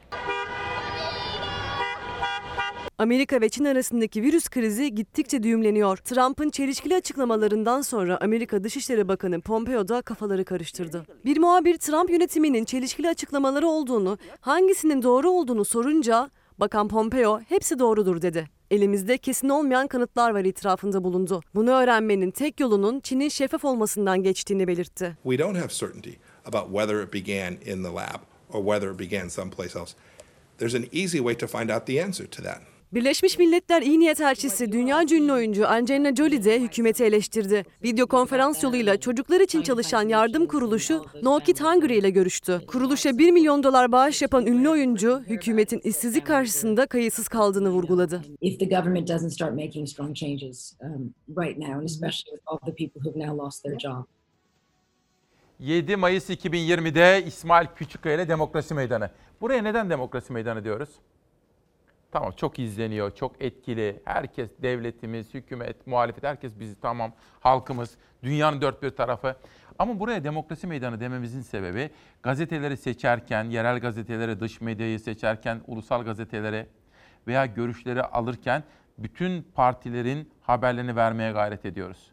Ha benim görüşümde var mı? Var. Eleştirilerim var mı? Var. Onları da söylüyorum. Ama asıl yapmak istediğim burası böyle bir açık forum olsun. Mesela geçen hafta baktım iki AK Partili gelmiş buraya.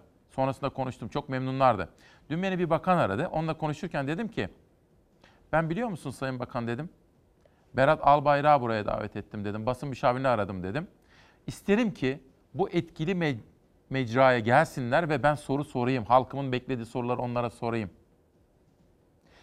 Geçen iki ay kadar evvel bir büyük parti kongresini yaptı. Televizyonlarda göremedik maalesef. Dün sizlere haberini vermiştim. Bir milletvekili istifa etti. Onu bile vermediler. Enteresan. Ama aslında ülkemiz insanının ülkede siyaset sahnesinde neler olup bittiğini mutlak bir çok seslilik ışığı altında demokratik bir ülkede özgür medyada görebilmesi, sesini duyması ve varsa eleştiri, öneri veya desteği iletebilmesi gerekir.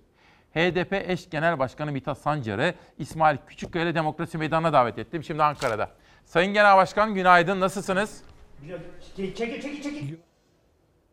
İsmail Bey. Günaydın efendim. İyi misiniz?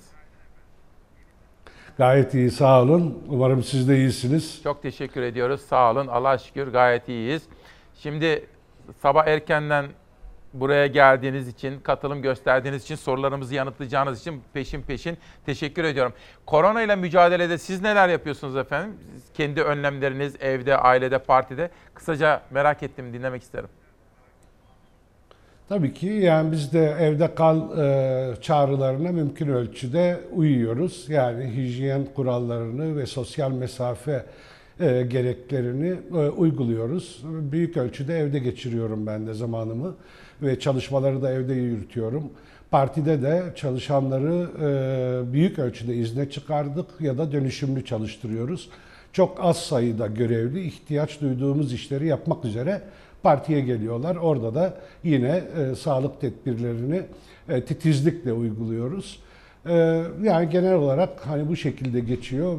Mümkünse spor yapmaya daha doğrusu yürüyüşlerle sağlığımızı biraz daha güçlendirmeye çalışıyoruz. Bu süreci böyle geçiriyoruz. Evde kalmak çok da boş zaman yaratmıyor İsmail Bey. Tabii. Çünkü sürekli toplantılar yapılabiliyor. Uzaktan Normal yapıyorsunuz değil mi? İnternet, toplantı... in- internet ortamında E, parti tabii toplantısı. internetten yapıyoruz. Evet evet. Yani normal şartlarda bir toplantıdan sonra ikinci toplantıya geçmek için bir gün e, ihtiyaç oluyor. Bir güne ihtiyaç Peki. oluyor ama şimdi 5 dakikada kanal değiştirip katılabiliyorsunuz toplantılara. Yani yoğun geçiyor. Peki. Şimdi efendim bugün bir yazı çok dikkatimi çekti Sayın Mithat Sancar. Şimdi yazıyı okuduğum her sabah gazetelere bakıyorum. Bir gün gazetesinde çok deneyimli bir gazeteci yazar vardır. Nazım Altman. Fahrettin Koca bakana benzemiyor diyor. Şimdi uzun bir analiz yapmış ve diyor ki hastalık karşısında dik duruşuyla olduğu kadar hastalara karşı şefkatli yaklaşımını basın mensuplarından da esirgememesiyle dikkat çeken dönemin parlayan yıldızı Sağlık Bakanı Fahrettin Koca. Hatta bir gazeteci arkadaşımız ona bir eleştiride bulunmuştu. O da hatta neden mikrofon yok demişti. Bizim hepimizde ayrı mikrofonlar olması lazım. Doğru söylüyorsun kızım demişti. Hani bütün bunları derleyip toparlamış ve Sağlık Bakanı ile ilgili olumlu bir yazı kaleme almış Nazım Altman bu sabah ve güven duymuş belli ki kendisine. Sizin yorumunuz ve değerlendirmenizi merak ediyorum. Hani geneli itibariyle hükümet ama özeli itibariyle Sağlık Bakanı'nı nasıl buluyorsunuz efendim? E, Sağlık Bakanlığı'yla başlayalım madem bu yazıyı aktardınız. Ben de gayretlerini dikkatle takip ediyorum. E, hani klasik alıştığımız e, bu hükümetin profilinden biraz farklı. E, hem e, diyaloglarıyla hem üslubuyla e, daha iyi bir görüntü veriyor. E, çalışmalarını da e, titizlikle yürüttüğü havası var ama unutmayalım o da bu hükümetin siyasetinden sorumlu. O da bu hükümetin siyasetinin ortağıdır. Neyi ne kadar açıkça paylaştığını da e, değerlendirmek zor. Yani içerideki tartışmaları bilmiyoruz. Bilim kurulundaki tartışmaları e, kamuoyuna açıklamıyorlar. Hükümet içinde kabine toplantılarında neler konuşulduğunu bilmiyoruz. Fakat e, bir gayret içinde olduğu da görülüyor. Bunu da teslim etmek lazım. Bu gayretin Türkiye'de koronavirüsle mücadelede başarıyı getirdiğini ise söylemek bana göre e, mümkün değil. Yani kendisi çaba sarf etse bile genel politikanın bir parçasıdır ve onun da gereklerinin dışına çıkamaz bunu biliyoruz. E, mesela Türkiye Futbol Federasyonu ile ilgili sözlerini dikkatle incelerseniz diyor ki o kendi takdiridir. Oysa Sağlık Bakanı da gayet iyi biliyor ki aslında e, liglerin başlaması meselesi sadece Futbol Federasyonu'nu ilgilendirmez. Çünkü bu salgın toplumda herkesi ilgilendiriyor, herkesi te- tehdit ediyor. Bütün toplumu tehdit ediyor. Tek bir kişinin hasta olması bile bütün dünyada salgının yayılmasına yol açtı. Dolayısıyla spor, futbol sadece bir kurulun işi olamaz. Tam tersine sağlık politikaları ve hükümetin genel politikaları içinde değerlendirilmeliydi. Demek ki kendisinin de bunu engellemeye gücü yok. İsteği var mıydı yok muydu bir sitem seziliyor açıklamalarında ama demek ki kendisi de Peki. bu kararı değiştirecek güce sahip değil. Peki. Hükümetin genel politikalarını Evet, sordunuz ama siz lütfen. araya girin buyurun İsmail Yok yok lütfen lütfen ben sözünüzü kesmek Hayır. istemem. Buyurun. Evet. Yani e, hükümetin genel politikalarını biz kötü buluyoruz. Yani bu salgınla e, mücadelede şimdi bir algı yönetimi var. Bu tırnak içinde söylüyorum. Çok klasik yaptıkları bir şey. Olguları yönetmek yerine e, toplumun e, iyiliğini düşünerek bir yönetim sergilemek yerine toplumun algısını yönetmeyi önceliyorlar. E, şimdi bir sürü örnekten başlayabiliriz. Mesela? Aslında tedbirler çok geç alındı. Tabii tedbirler çok geç alındı. Uçuş yasakları çok geç kondu. Sınır kapıları geç kapatıldı. Sonradan o zaman yapılan çağrıları da biraz küçümseyerek karşıladılar. Hatırlar mısınız Şirin Payzın hanımefendi hani uçuşlar neden durdurulmuyor yurt dışı uçuşlar dediğinde herkes e, hükümet çevreleri ve hükümetin e, yanındaki basın neredeyse kendisiyle alay etmişti ama kısa bir süre sonra bu tedbiri uyguladılar. Bakın burada bir haftalık gecikme bile, bir günlük gecikme bile insan hayatına mal olabiliyor. Biz insan hayatını istatistik olarak göremeyiz. Orada 89 kişi hayatını kaybetti dediğinizde bir önceki gün 120 kişi ölmüştü. Bugün 89 diye sevinemeyiz. Biz bunların kaçını önleyebilirdik sorusunu ciddiyetle sormak zorundayız. Tek bir hayat. Tek bir hayat bir evren demektir. Bir e, öğretim üyesinin dediği gibi hani geçen gün okudum sağlık e, ile ilgili çalışmalar yürüten değerli bir bilim insanı. Eğer bir ailede bir kişi hastalanmışsa ve o ailede o kişi hayatını kaybetmişse ölüm oranı yüzde yüzdür. O aile içinse yıkımdır. Dolayısıyla her bir gecikme, her bir eksik tedbir yeni can kayıplarına yol açıyordur. Biz bunları oturup vaka vaka tespit edemeyiz elbette. Ama bunu biliyoruz. Bilim adamları söylüyor, bilim insanları söylüyor. Gecikme kabul etmeyen bir durum var. Sonra bazı tedbirleri hatırlayın. Maske tedbiri bir tür kara mizaha dönüştü. Yani şu an maskede geldiğimiz e, durum nedir? Bir ara zorunlu e, olduğu belli durumlarda maske takmanın zorunlu Pardon. olduğu söylendi. Buyurun. Mithat Ha, Bey sözünüzü kestim ama tamamlamanızı isteyeceğim maskeyi. Yo, Fakat yo, buyurun, sadece şunu, buyurun, şunu merak Bey. ettim. Size geldi mi maske kodu efendim? Siz daha 60 yaşına gelmemiş birisiniz ama geldi mi? Yani şöyle mecliste bize dağıtıldı. Ee, fakat benim danışmanlarım başvurdular bunun nasıl işlediğini görmek için de başvurdular. Uzun süre kod gelmedi. E, sonra kod geldiğinde işte zaten hani eğer virüsü kapması söz konusu ol- olmuşsa zaten zarar ortaya çıkmıştır.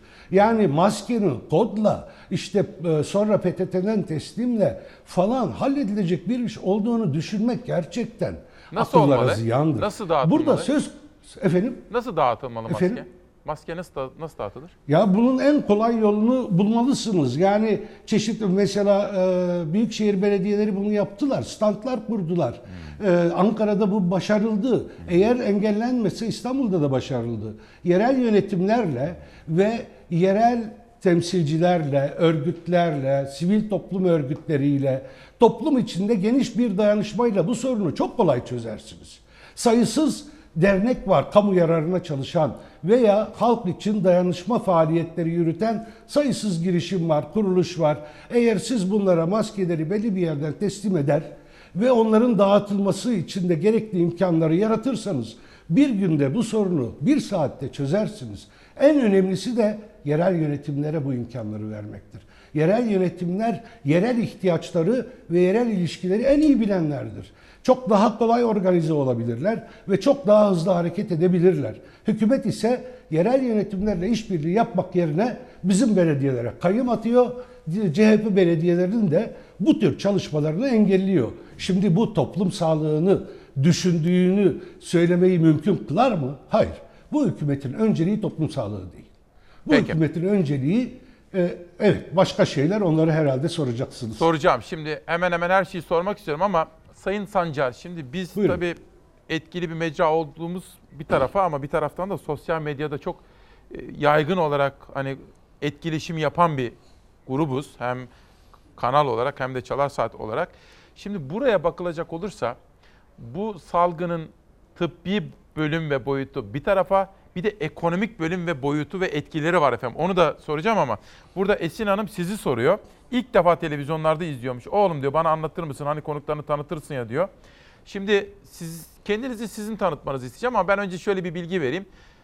Siz aslında akademik bir kariyere sahipsiniz. Mardin doğumlusunuz. Anneniz ve babanız Evet. Arap kökenli ve sizin daha önceki bir röportajınızda da okumuştum. Türkçeyi bu çok sevdiğimiz dilimizi de işte arkadaşlarınızdan öğrendiğinizi de söylüyordu. Uzun yıllardır da akademik bir kariyeriniz var aslında. Şimdi Esin Evet. Hanım soruyor. Kendinizi nasıl tanımlarsınız efendim? Birazcık anlatın. İlk defa görüyormuş sizi televizyonda. Yani Kimdir Mithat Esin- Sancar? E, e, e, tabii e, Esin Hanım'a buradan selamlarımı, e, saygılarımı ileteyim öncelikle. Sağlık dileklerimi ileteyim. Yani ki bir insanın kendini tanıtması zordur. Benim kendimi tanıtmam daha da zordur. Çünkü bu kadar yıldır kamusal alandayım. CV'lerim iki paragrafı geçmiyor ve çok da şikayet ediliyor. E, şikayet alıyorum bu konuda. Yani CV yazmakta bile zorlanıyorum ama merak ettiğini düşündüğüm noktaları söyleyeyim. Evet ben Mardinliyim, e, hukuk profesörüyüm. 30 yıl üniversitede hocalık yaptım. Çeşitli üniversitelerde dersler verdim. Kamu hukuku, anayasa hukuku gibi alanlarda çalıştım. Çeşitli kitaplar, makaleler, konferanslar var benim geçmişimde. Sonra 7 Haziran 2015 seçimlerinde HDP'den aday oldum. O zaman davet gelmişti.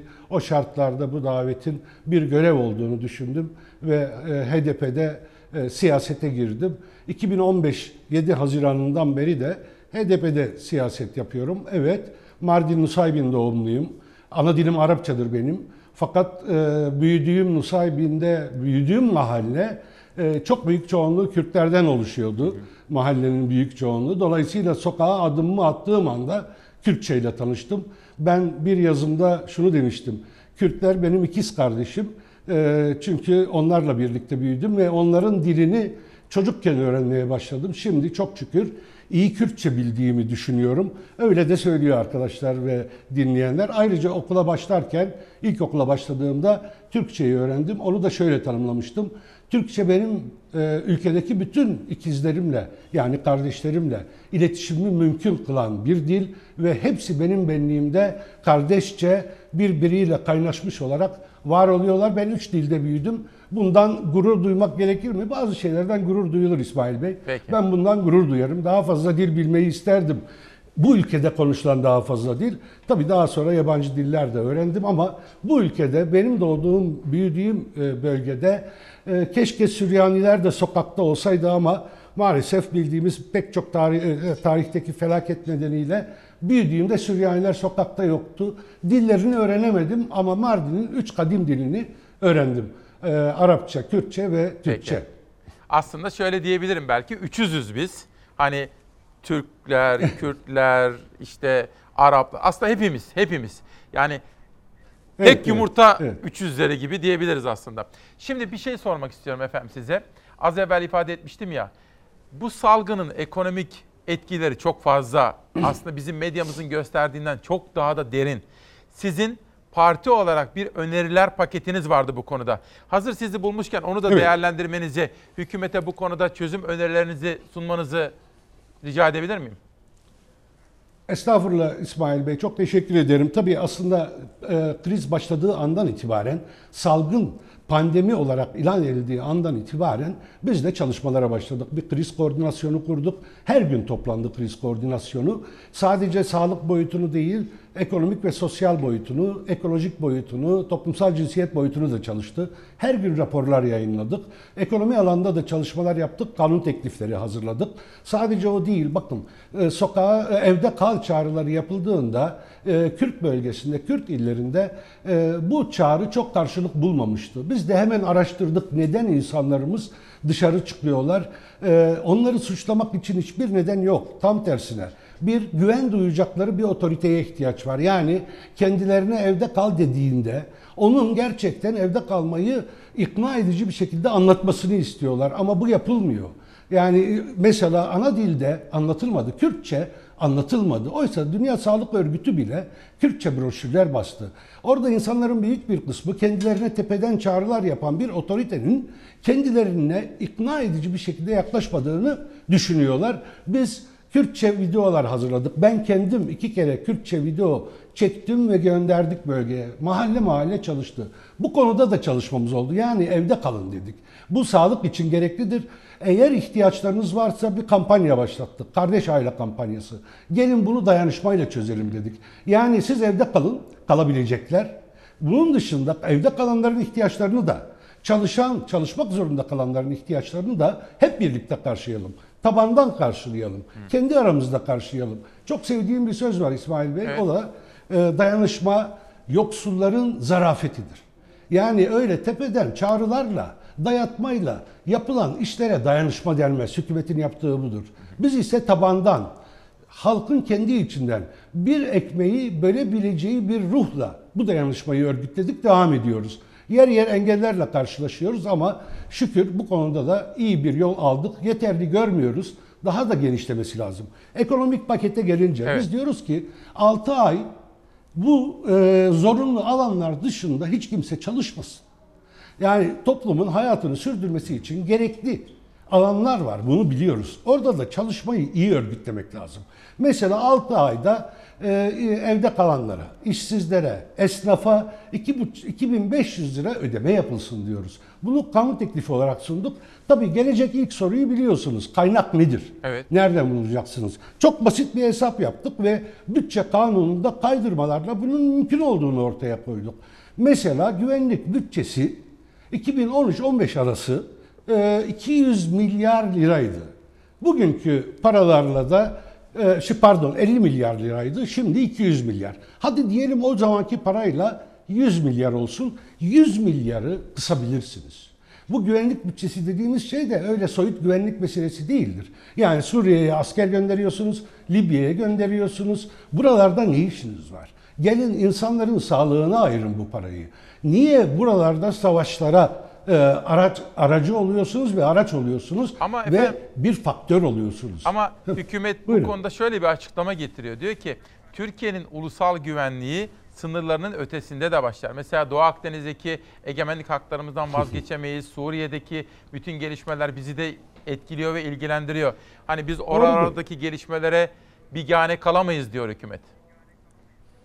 E o zaman şöyle diyelim, güvenliğin iki boyutu var. Bir de güç olmanın iki türü var. Biri soft power dediğimiz yumuşak güçtür.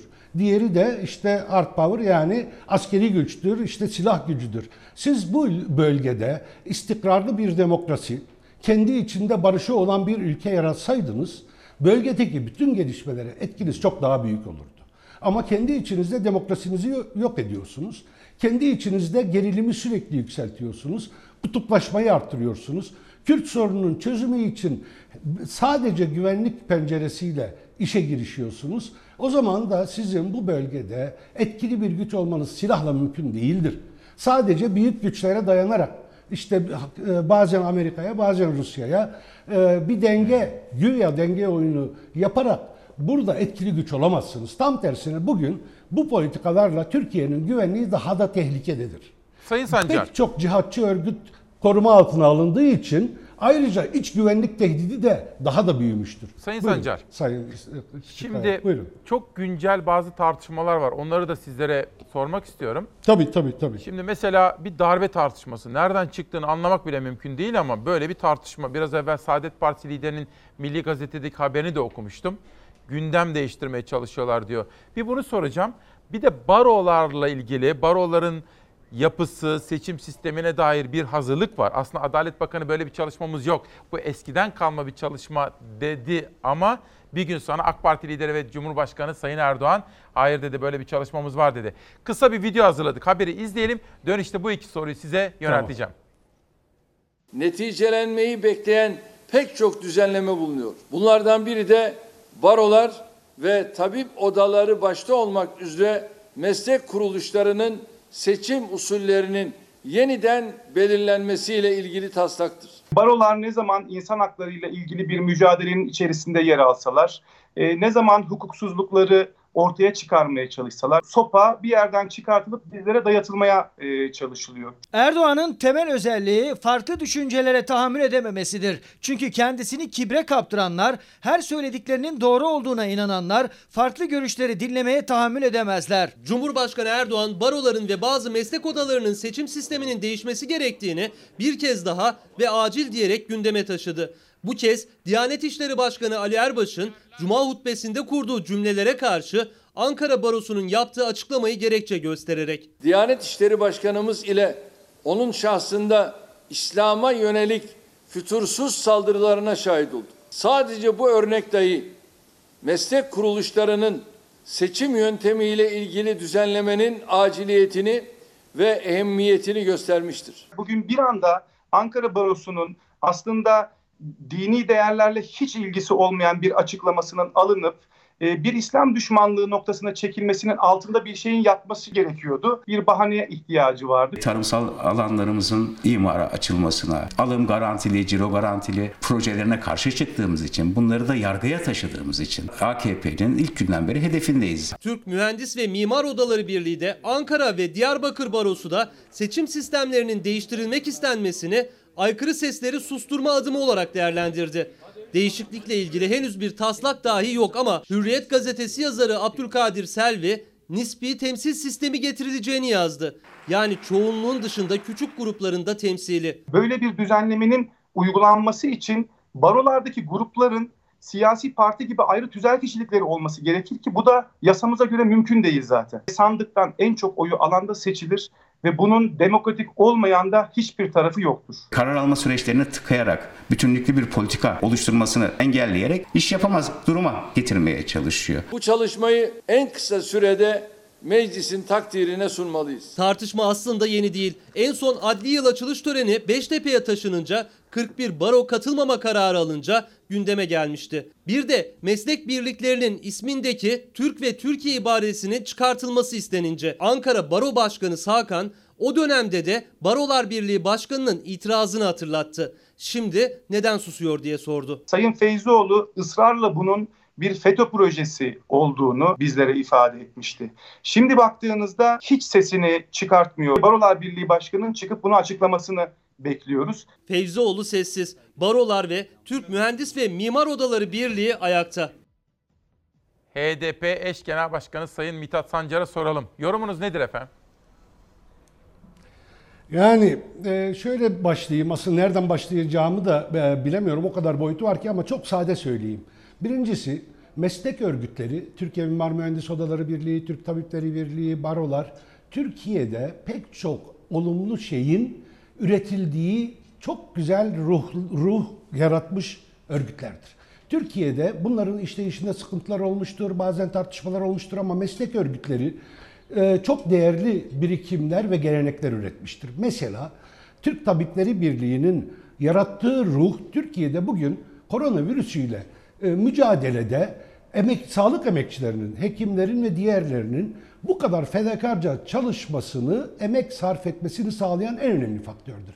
Yani Türk Tabipleri Birliği geleneği ve ruhu bugün bizi eğer salgın bu kadar kötü gitmesine rağmen e, sağlık ve hayat kaybı konusunda nispeten daha iyi bir durumdaysak bunu o ruhun içinde yetişmiş hekimlerin fedakarca çalışmasına bağlıyız. Şimdi siz korona günlerinde e, burada e, koronayla e, mücadele etmeniz gerekirken hekimlerle, onların örgütleriyle mücadele ediyorsunuz. Zaten onları hesaba katmıyorsunuz. Zaten onlardan fikir almıyorsunuz. Bir de şimdi kendi denetiminize almak için operasyona girişiyorsunuz.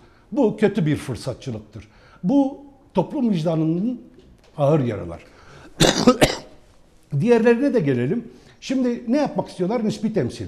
Kendisi el, yani bu sistem, şimdi mevcut sistem 50 artı 1'i e, Cumhurbaşkanı olmak için yeterli görüyor. Nispi temsili %10 barajıyla ülke genelinde baltalıyor. Fakat kendi kontrolüne almak için e, meslek örgütlerine hiç ülke için uygun görmediği sistemi dayatmaya çalışıyor. Buradaki mesele açıktır. Meslek örgütlerini kendi kontrolüne almak. Bu iktidar çok uzun zamandır çok uğraştı. Meslek örgütlerinde seçimle kendi kadrolarını başa getiremedi.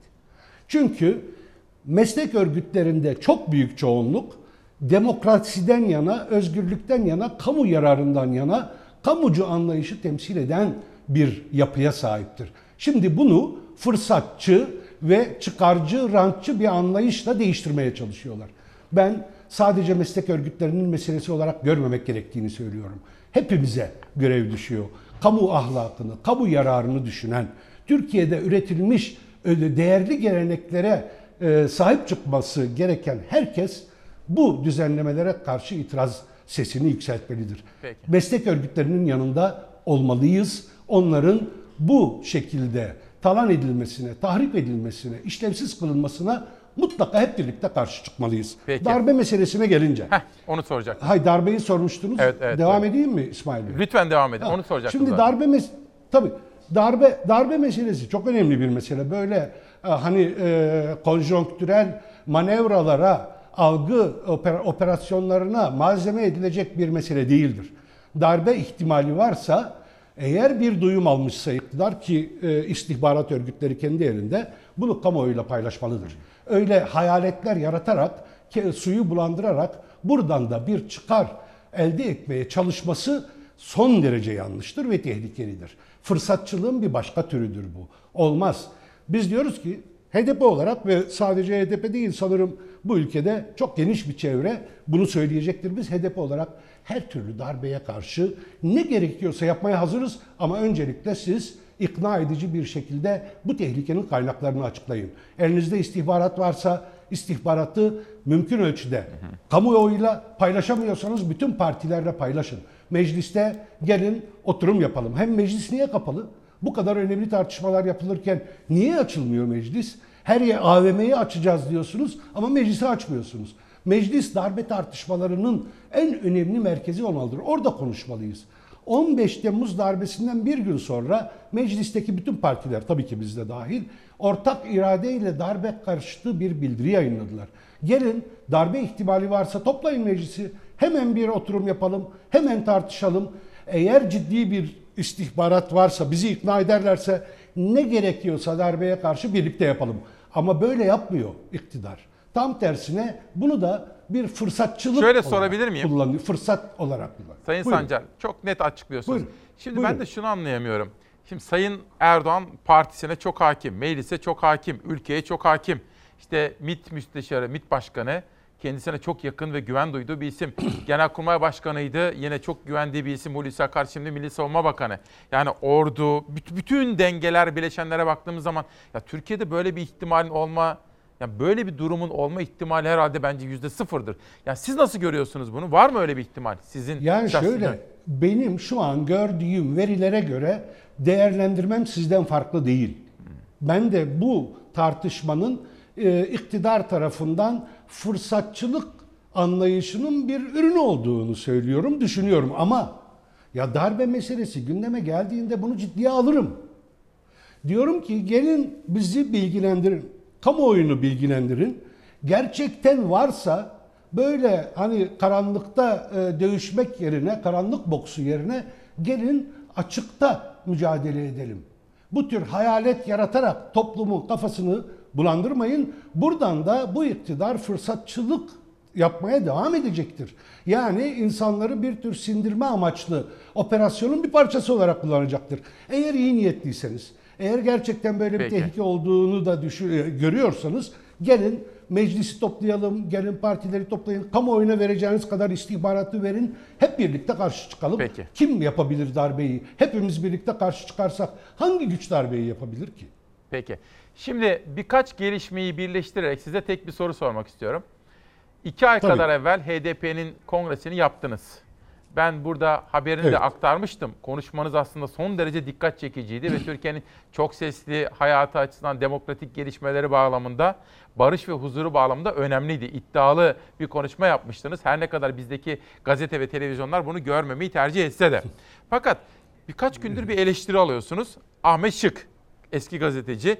Ahmet Evet. Şık ayrıldı. Onun ben Evet. neden ayrıldığına dair gelişmeleri de büyük bir dikkatle takip ettim. Sorum şu. Hem Ahmet Şık'ın neden ayrıldığı sorusu, neden partinizden ayrılmak durumunda kaldı, hem de iki ay evvel yapmış olduğunuz o konuşma ışığında HDP kongresi ve hatta geçen hafta Ali Bayramoğlu'nun Karar Gazetesi'ndeki bir yazısı var. O da sizin, sizin şahsınızdaki ve bakışınızdaki çok sesli ve barışçıl tutumun Türkiye açısından bir şans olabileceğini söylüyor. Bana biraz böyle hayallerinizden, yapmak istediklerinizden ve HDP'nin gerçekliklerinden bahseder misiniz? Ee, tabii ki çok teşekkür ederim. Ya başta da söylemeyi unutmuş olabilirim. Şimdi söyleyeyim. Evet, e, Fox TV'ye e, yayın politikası ve baskılara karşı gösterdiği e, direnç dolayısıyla ayrıca bu çoğulcu çabanız için bir kez daha teşekkür Sağ ve tebrik iletmek istiyorum. E, başta da e, yapmalıydım. Şimdi yapıyorum. Sonunda da inşallah unutmam tekrar söylerim. Şimdi e, Ahmet Şık meselesi Tabii ki partilerde ayrılıklar olabilir. İstifalar çok olağanüstü işler değil ama çok olağan işler de değil. Dolayısıyla hani bu meseleyi küçültmek gibi bir niyetim yok. Ahmet'in e, Twitter'dan paylaştığı bir açıklama var. E, ayrılmak onun e, takdiridir ama ben eleştirisini doğru bulmadım. E, tarzını da doğru bulmadım. Yani şöyle bir örnek kongreyle birleştirerek söyleyeyim. E, şöyle bir e, örnek vereyim. Yani eğer hakikaten HDP'de sorun varsa işte işte sorun varsa ki benim de eleştirilerim hep vardı.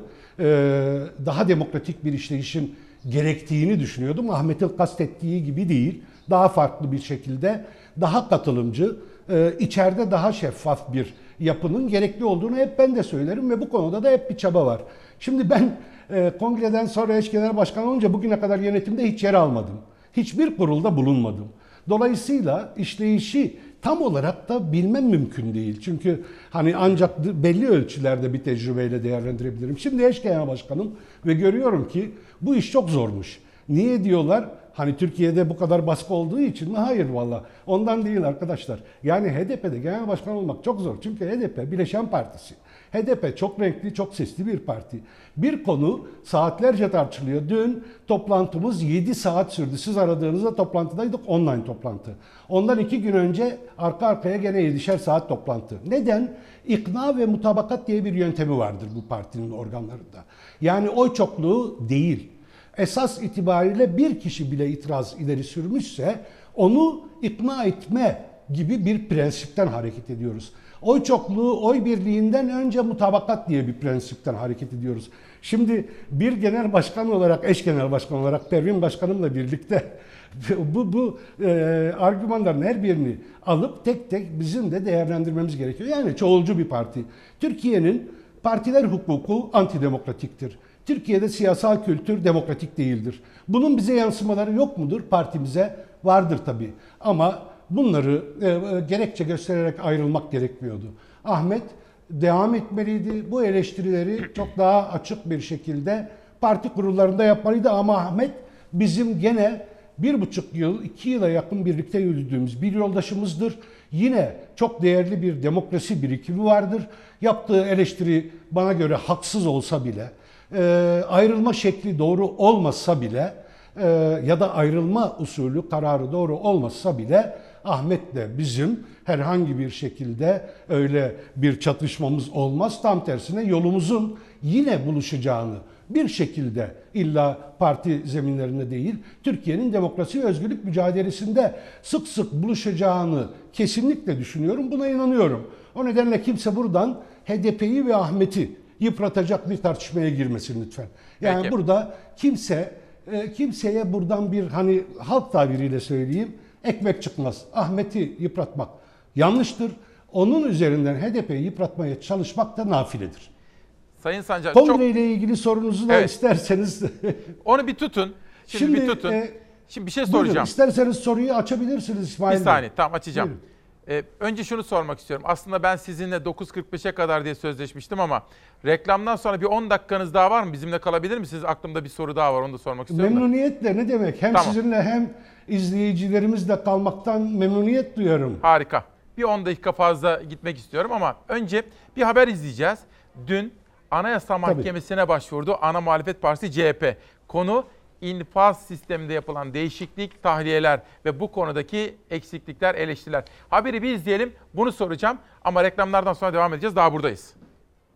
Bu teklifin aykırılık iddiası ve iptaliyle ilgili istemimizi yüksek mahkemeye yapacağız. CHP ceza infaz düzenlemesinin iptali ve yürürlüğünün durdurulması için Anayasa Mahkemesi'ne başvuru yaptı. Yüksek Mahkeme ilk incelemesini tamamladı. Başvuruyu esastan görüşme kararı aldı. Şekil olarak, esas olarak bu yasa anayasaya aykırıdır. Nisan ayının ortasında 280 milletvekilinin oyuyla meclisten geçti ceza infaz düzenlemesi. Yaklaşık 105 bin tutuklu ve hükümlü yararlandı düzenlemeden, cezaevlerinden tahliye edildi. rüşvetçi, irtikapçı, yolsuzluk yapan yargılanıp 6 yıl mahkum olursa bir gün bile hapishanede yatmayacak. Haber yapan bir gazeteci eğer yargılanır 6 yıla mahkum olursa 3 yıl 6 ay hapiste yatacak. Yapıyorsanız herkese eşit yapın. CHP düzenlemeye örtülü af dedi. Şekil yönünden anayasaya aykırı diyerek Anayasa Mahkemesi'ne götürdü. Gerekçesi ise düzenlemenin bir af niteliği taşıması ve bu nedenle meclisten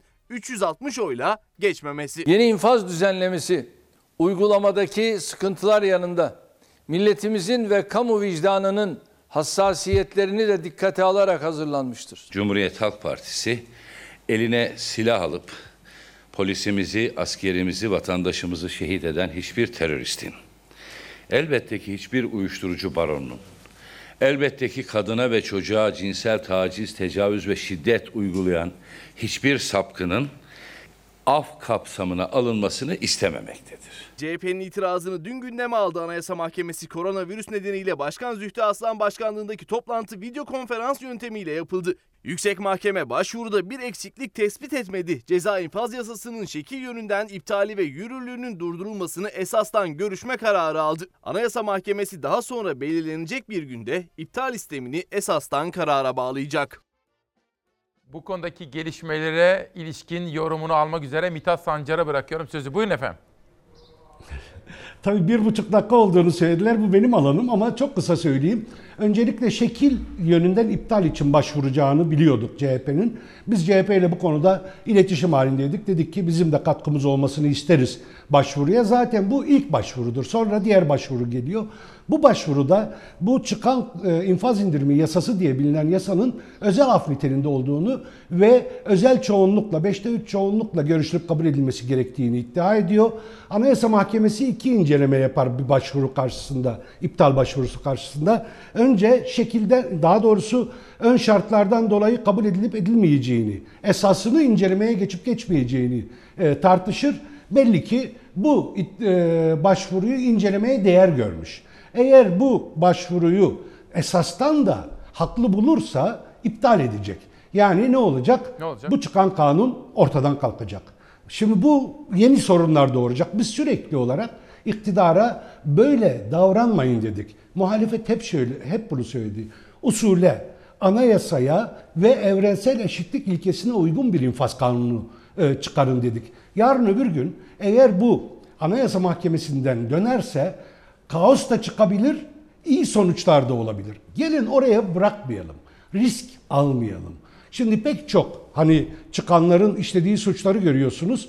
Yani biz bunu şimdi e, hani böyle popülist bir dille istismar etmek istemiyoruz ama kimlerin çıkmasını istiyorsanız diye bağırıyordu AKP Grup Başkan Vekilleri. Bebeklere tecavüz edenleri çıkardılar demiyoruz. Demeyeceğim yani bu dile girmeyeceğim. Eğer bu bu şekilde anlaşılıyorsa da yanlış. Şunu söyledik. Eşitlik ilkesini gözetin. Adaleti gözetin, hukuku gözetin. Şimdi bunların hiçbirini yapmadılar. Fırsatçılık yaptılar. Esas itibariyle daha önce üzerinde anlaştıkları, MHP ile birlikte anlaştıkları bir kanunu getirdiler. Tek bir virgülünü değiştirmediler, çıkardılar. Çık- olacak kaostan ve cezaevlerinde doğacak salgından dolayı zararlardan, hayat kaybından bu iktidar sorumludur. Hem hukuk karşısında hem vicdan karşısında hem tarih karşısında sorumludur. Şimdi bir parantez açalım. Sonra devam edelim. Hani ben arkadaşlardan rica etmiştim. Bir buçuk dakikalık bir analiz yapsın. Çünkü reklamlardan sonra devam edeceğiz. Çünkü Rütük kurallarına göre tam bu saatte benim en geç reklama gitmem gerekiyor. Reklamlar sonra ağırlıklı olarak ekonomiyle devam edeceğiz. Saat 10 olmadan döndük işte. Günaydın Türkiye'm 7 Mayıs 2020. Günün adını, rengini, ruhunu, canını beraber koyuyoruz. Ve Türkiye için. Hani Sabahattin Ali mahkemede yargılanırken öyle demiş.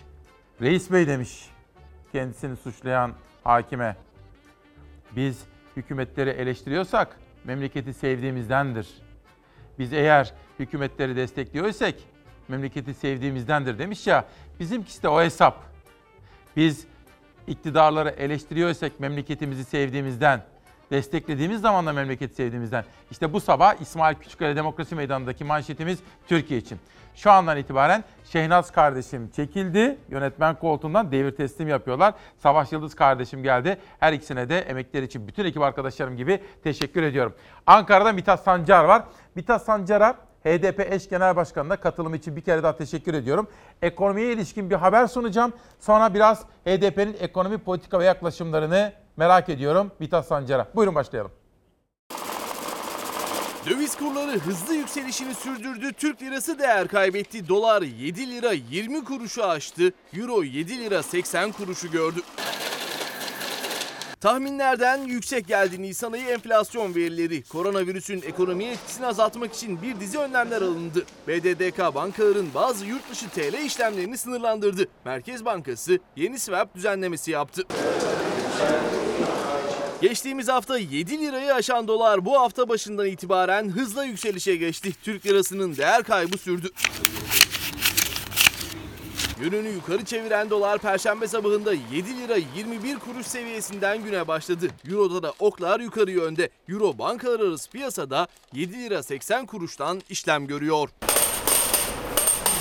Dolar kuru ve altının ons fiyatının çıkışa geçmesi altın fiyatlarını da yükseltti. Gram altın 392, çeyrek altınsa 642 liradan alıcı bulmaya başladı.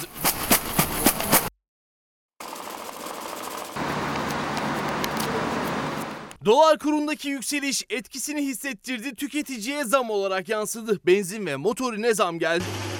Haftalardır düşüşteydi ham petrol fiyatları. Brent türü petrol önce 20 dolar seviyelerini gördü. O dönemde Türkiye'de tüketicinin yüzü güldü. İstanbul'da benzinin litresi 5 liranın altına düştü.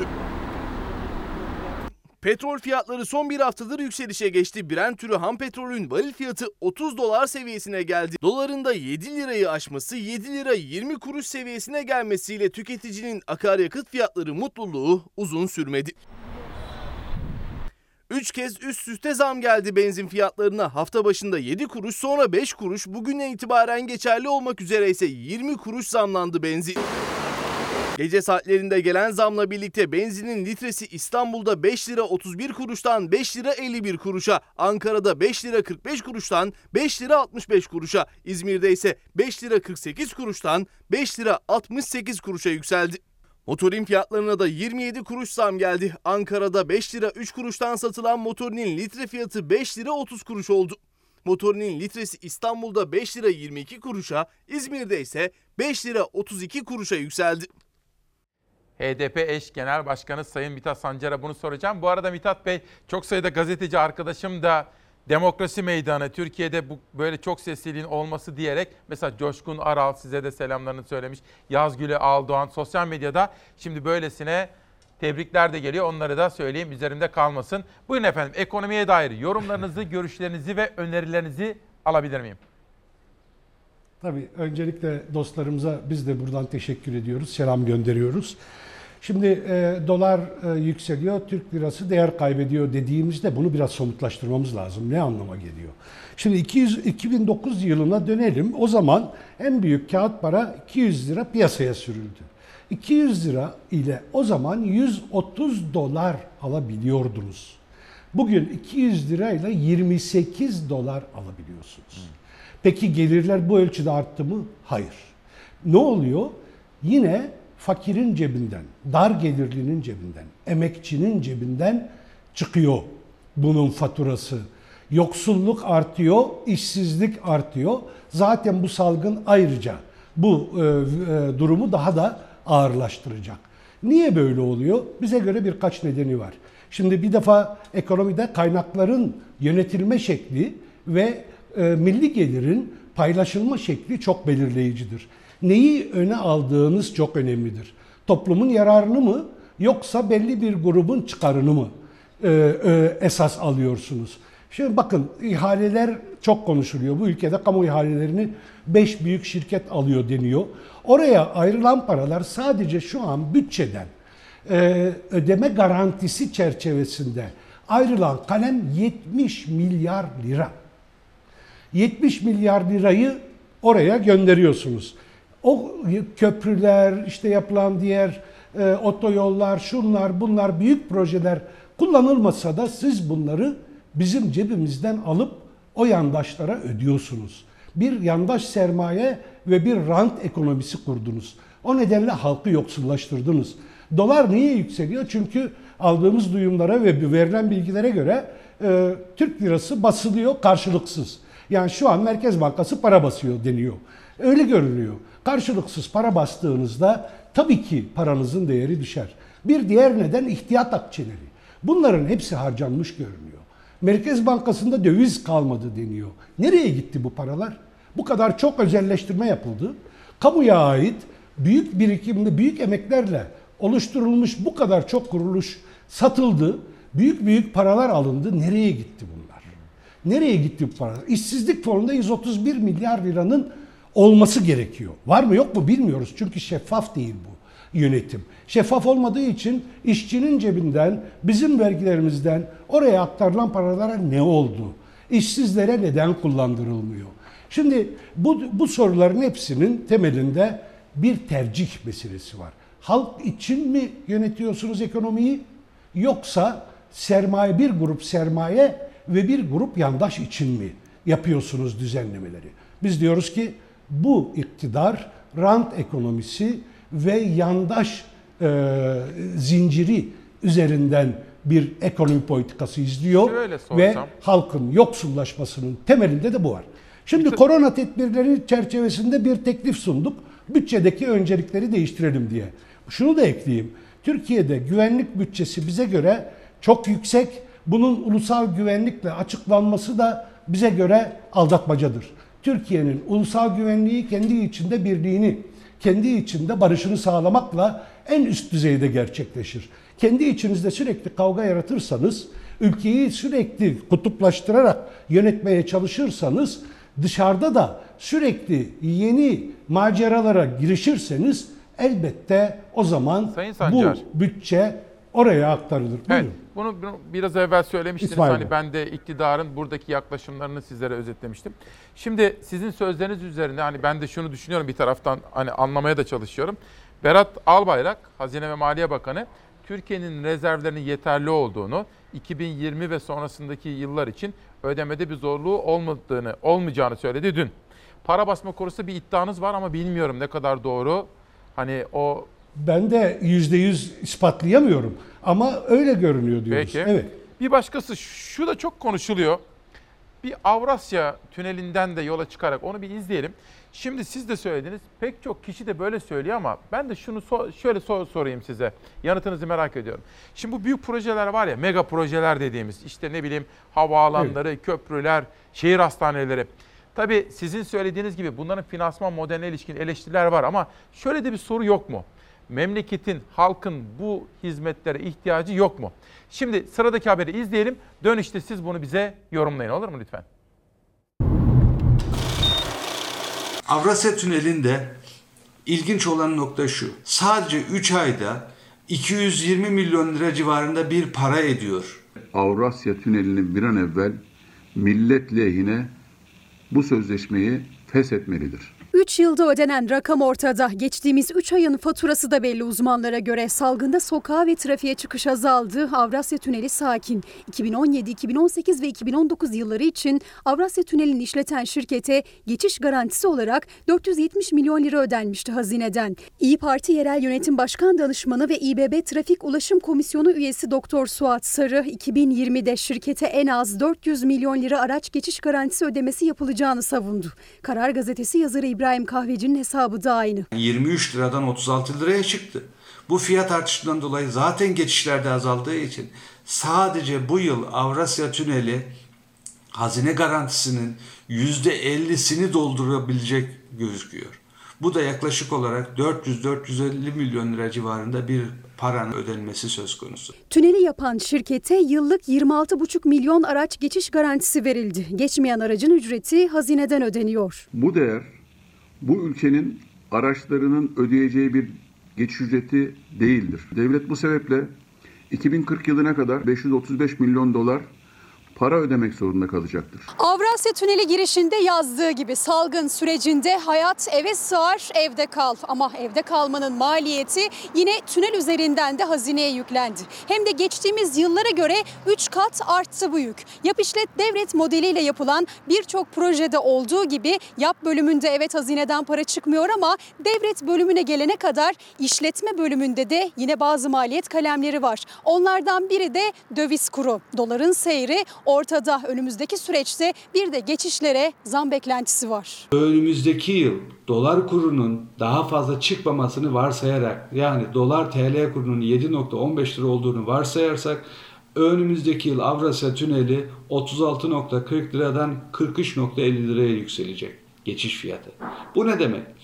Bugün ayda 25 gün olarak karşılıklı geçiş yapan bir otomobil sahibi Avrasya Tüneli'ne yaklaşık olarak 1820 lira ödüyor. Bu ücret 2160 liraya yükselecek. Kamu özel işbirliği kapsamında yapılan sözleşmelerde hazine tek başına söz sahibi değil hatta uluslararası yükümlülük var. Ödeme uyuşmazlığı durumunda özel şirket alacağını Londra Tahkim Mahkemesi'ne götürebiliyor. Yani ödeme yükümlülüğü devam ediyor. Pandemi sebebini de göz önüne alarak şirketle oturup ödemelerini üstlenmesi ve millet lehine bu sözleşmeyi feshetmelidir. Peki acaba HDP bu konuda ne düşünüyor? Finansman modellerini eleştiriyor, geçiş garantilerini ama memleketin de bu hizmetlere acaba ihtiyacı var değil mi? Şimdi birincisi milletin ve memleketin bu hizmetlere ihtiyacı olur ancak neyin nasıl yapılacağını belirleme konusunda başka seçenekler var. Üçüncü havaalanı ihtiyaç mıdır mesela soralım. Ee, bize göre ihtiyaç değildir tam tersine büyük bir israftır. Mesela şu an Atatürk Hava Meydanı ne durumdadır? Niye orası genişletilmedi de buraya dünyanın parası yatırıldı? O paralar kimlere gitti? Nasıl bir e, süreç işledi? İhalede, sonraki aşamalarda, içerideki pek çok başka meselede yani havaalanı işletmesiyle ilgili. Nereye gitti? Bir. E, finans modelleri konusunda şunu söyleyelim. Biz kamunun belirleyici olmasını istiyoruz. Bizim e, anlayışımız budur. E, ekonomiye bakışımız budur. Şeffaf olması gerekiyor. İhtiyaçların halkın bilgisi dahilinde tartışılması ve belirlenmesi taraftarıyız. Mesela Avrasya Tüneli'nin ihalesi yapılırken bu geçiş garantisinin ne anlama geldiğini insanlara anlatmak gerekiyor. Eğer bu ülkenin bütçesi ekonomisi bunu kaldıramayacaksa bu finans modeliyle güzel bir eser yarattık diyerek diğer tahribatları gizleyemezsiniz. O nedenle biz diyoruz ki mesela şehir hastaneleri, kapatılan pek çok hastane var. Çok güzel hastanelerdi. Niye böyle? Şehir hastaneleri modeli başka ülkelerde denendi, terk edildi. Şimdi buralara dünyanın parası yatırılıyor. Bu dünyanın parası dediğimiz şey işte şimdi bütçeden gidiyor, kamu kaynaklarından gidiyor, bizim cebimizden gidiyor. Sonra kaynak kalmayınca yandaşlara gidiyor, çeşitli şirketlere ve sermayeye gidiyor. E, para kalmayınca bu sefer de dolar yükseliyor, enflasyon artıyor, biz yoksullaşıyoruz. Halk yoksullaşıyor. Hizmetin de kuralları var. Peki. Hizmet üretmenin de çerçevesi, çerçevesi ve ilkeleri var. Biz bunu eleştiriyoruz. Orada uzmanların söylediğine katılıyorum. Bu sözleşme mutlaka feshedilmelidir. Ve bunun da uluslararası hukuka dayalı, uluslararası ticaret hukukuna dayalı haklı gerekçeleri de ortaya konabilir. Çiğdem Toker de bu konuda iki hafta kadar evvel bir yazık kalem almıştı ve mücbir sebep var aslında ve bu nedenle iptal edilebilir diyordu efendim. Onu da söyleyelim. Şimdi bir soru soracağım size. Fakat ben, önce ben ben bunlara buyurun. Evet, evet, hayır yok, bunlara buyurun. girdiğim zaman hayır bu biraz fazla bu bilgilere girdiğim zaman çok akademik konuştuğum yönünde eleştiriliyorum ama ne yapayım? 30 yıl akademisyenlik söyle- bir yaptım. şey Hala akademisyenim. Yani bitmiş değil. Yani ben size bir şey Buyurun. söyleyeyim. Sizin onu da sormak istiyordum aslında. Bir taraftan danışmanım da bana gelen mesajları da gönderiyor. Fakat sizin yapıcı bir dil kullanmanız, bugüne kadar alışa geldiğimiz klasik siyasetçi hatta klasik HDP'lilerden daha farklı bir söylem tutturmanız çok dikkat çekici bulunuyor. Bunun sebebini de aslında böyle bir toplumsal ihtiyaç var mı diye de soracağım ama onu en sona bıraktım. Bir dakikanızı Tamam. alacağım şimdi. Belediyelerle ilgili bir soru var. Savaş ver bakalım. Ekrem İmamoğlu dün Ankara'da Mansur Yavaş'ın başlattığına benzer bir uygulama başlattı. Ankara'da Mansur Yavaş, daha sonra Gaziantep Belediyesi de aynı hizmete, Kayseri miydi? Bir belediyede, AK Partili bir belediye de yaptı aynısını. Bu gece çok huzurluyuz diyor. Şehrimizin gösterdiği dayanışma tüm dünyaya örnek oluyor. Askıda fatura kampanyamız ile 34.460 ihtiyaç sahibi ailenin 4 milyon 113 bin 691 liralık faturası ödendi. Kampanya devam ediyor. Destek veren herkese gönülden des- teşekkürler diyor. Ancak başkanın danışmanı Murat Ongun dedi ki Askıda fatura kampanya web sayfamıza dün gece yurt dışı kaynaklı saldırı olduğu için yurt dışı erişime kapatmak zorunda kaldık. Son durum şu şekilde. Toplam ödenen fatura 41.883, toplam ödenen miktar 5 milyon 27 bin 92 lira. Şimdi Mithat Bey bir haber izleyeceğiz. Dönüşte size şunu sormak istiyorum. Şimdi böyle haberleri okuduğum zaman mesela CHP'li belediyeler falan diyor ya ben de şöyle söylüyorum.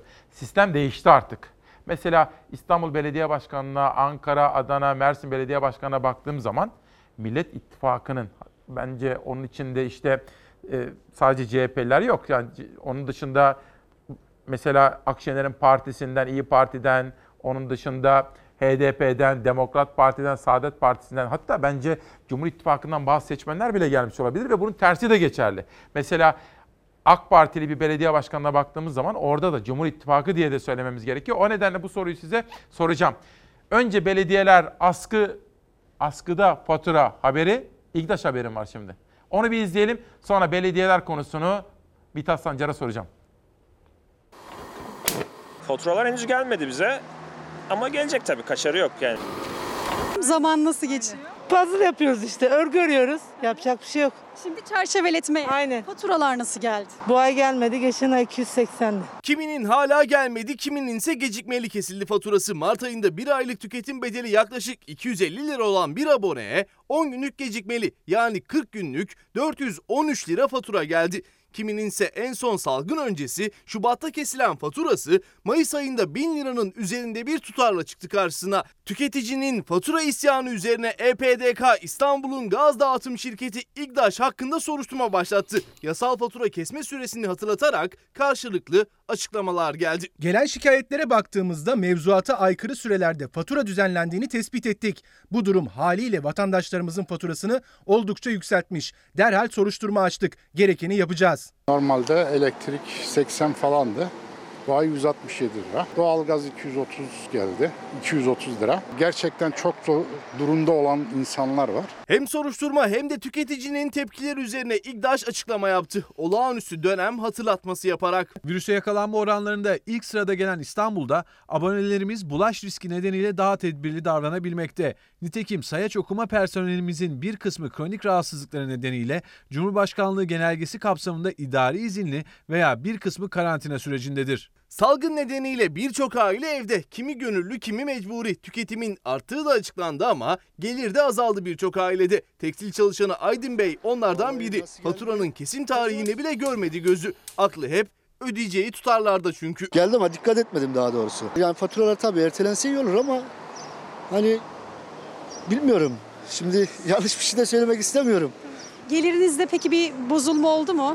Evet, iki aydır çalışmıyoruz. Pandemi yüzünden. E, Evet. Hani şimdi çalıştığım yere gidiyorum. Yarın açacağım dedi. Hani ben de bunu aldım. Öyle bir Kalbinde umut, aklında 3 çocuğu ve evin giderleri. Bir tek o değil. İstanbul'da bu sabah itibariyle 31.460 ailenin toplam 4 milyon 113 bin 691 liralık faturası ödendi. hemen harekete geçiyorlar. Neden? İhtaşı biz nasıl itibarsız hale getiririz diye.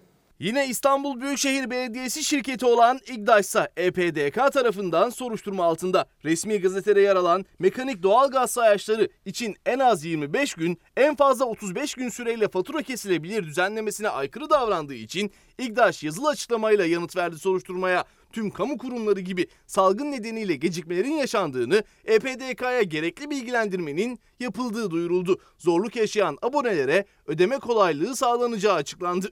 Derhal bakanın ortaya çıkıp vergilerden feragat ediyoruz. Siz de feragat edin. En az 3 ay süreyle elektriğimizi, doğalgazımızı ücretsiz verelim. Ama ortada bakan yok.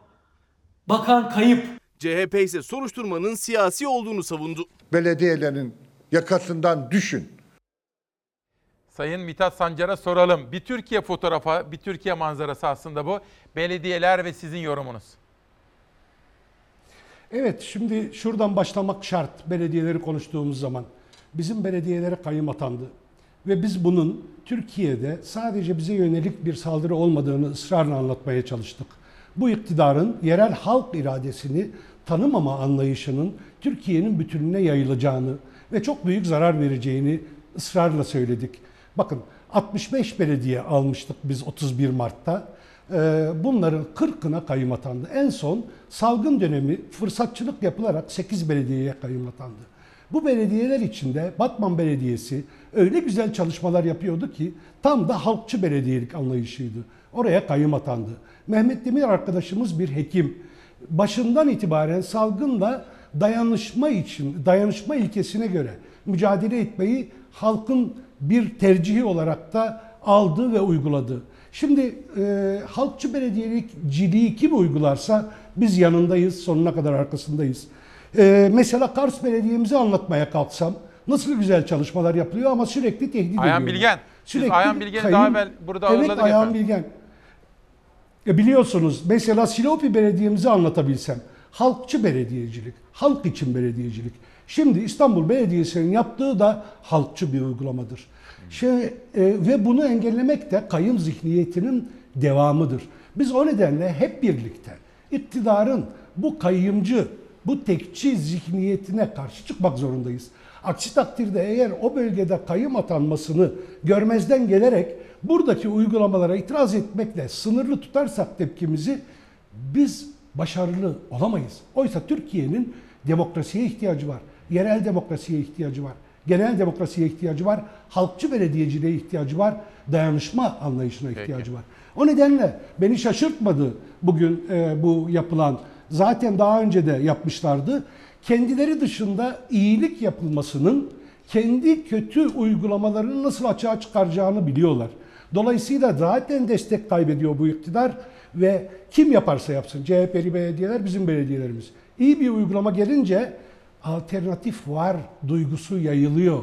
Başka türlüsü mümkün anlayışı yayılıyor. O nedenle biz çağrımızı hep bütün demokrasi güçlerine yapıyoruz. Diyoruz ki biz Türkiye'de demokrasi ve barış için elimizden gelen her şeyi yapmaya hazırız. Teşekkür ederim. Ortada Türkiye'yi çok kötü Evet, çok kötü yöneten bir iktidar var. Buna karşı ancak demokrasi temelinde birlikte karşı koyarsa başarılı olabiliriz, durdurabiliriz ve seçimlerde yeni bir dönem başlatabiliriz. Bir şey soracağım efendim. Bizim Buyurun. Nobel Nobel Bilim Ödülünü kazanmış bir gururumuz var. Mardin'den çıkmış. Biz burada aslında Cumhuriyetimizin erdemi, ülkemizin bu toprakların bereketi, bilime olan açlığı ve başarısı konusunda örnek olarak çok sunduk. Aziz Sancar, Aziz Sancar'la yakınlığınız var mı? Tabii benim babamın kuzenidir. Yani amcam sayılır, amcamdır diyeyim. Çünkü ben Aziz Sancar'ı amca olarak bildim. Ee, Türkiye için bir gururdur, ailemiz için de bir gururdur. Gerçekten e, isminin anıldığı her yerde bundan gurur duyarız. Bazıları Türkiye'de çok ucuz e, ama şey, ne bileyim sözler, hamleler yapıyorlar. Sanki işte Mithat Sancar HDP'de, Aziz Sancar'ın başka tercihi var. Elbette öyle. Biz Türkiye'nin bir modeliyiz. Mardin böyledir. Biz Mardin'de yetiştik. Farklılıklarla büyüdük. İçimizde farklı yaklaşımlar olabilir ama birbirimize saygı ve sevgi asla eksilmez.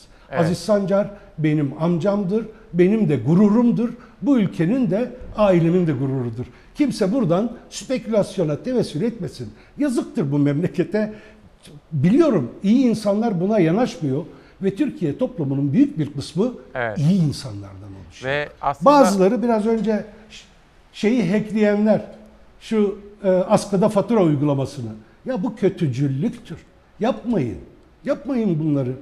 Aziz Türkiye'de Sancar- çok büyük çoğunluğun iyilik iyilikle hareket ettiğine inancımı hiç kaybetmedim. Peki, ben. teşekkür Buyurun. ederim. Aziz Sancar o büyük prestijli ödülünü kazandığı zaman Cumhuriyetimize, ülkemize, ülkemizin halkına ve atamıza, Atatürk'e armağan etmişti, ithaf etmişti. Onu da hiç unutmayacağız. Gönlümüzdeki yeri ayrıdır. Çocuklarımıza örnek olarak gösteriyoruz. Biz efendim biliyor musunuz Murat Anmunga'nın kitaplarından öğrendik. Mardin'e gitmeden önce Mardin'i, onun o olağanüstü medeniyetini, kültürünü, farklı kültürler, mezhepler, etnik siteler hepsi ama bir potada erişebiliyor, eriyebiliyordu. Murat Anmungu'nun kitabından gördük. Son olarak şunu sormak istiyorum. Sizce sizin bu üslubunuza ilişkin bana gelen olumlu ve çok sayıda mesajın mesajın yorumu nedir efendim? Türkiye'de toplumsal böyle toplumsal bir ihtiyaç mı var? Evet var.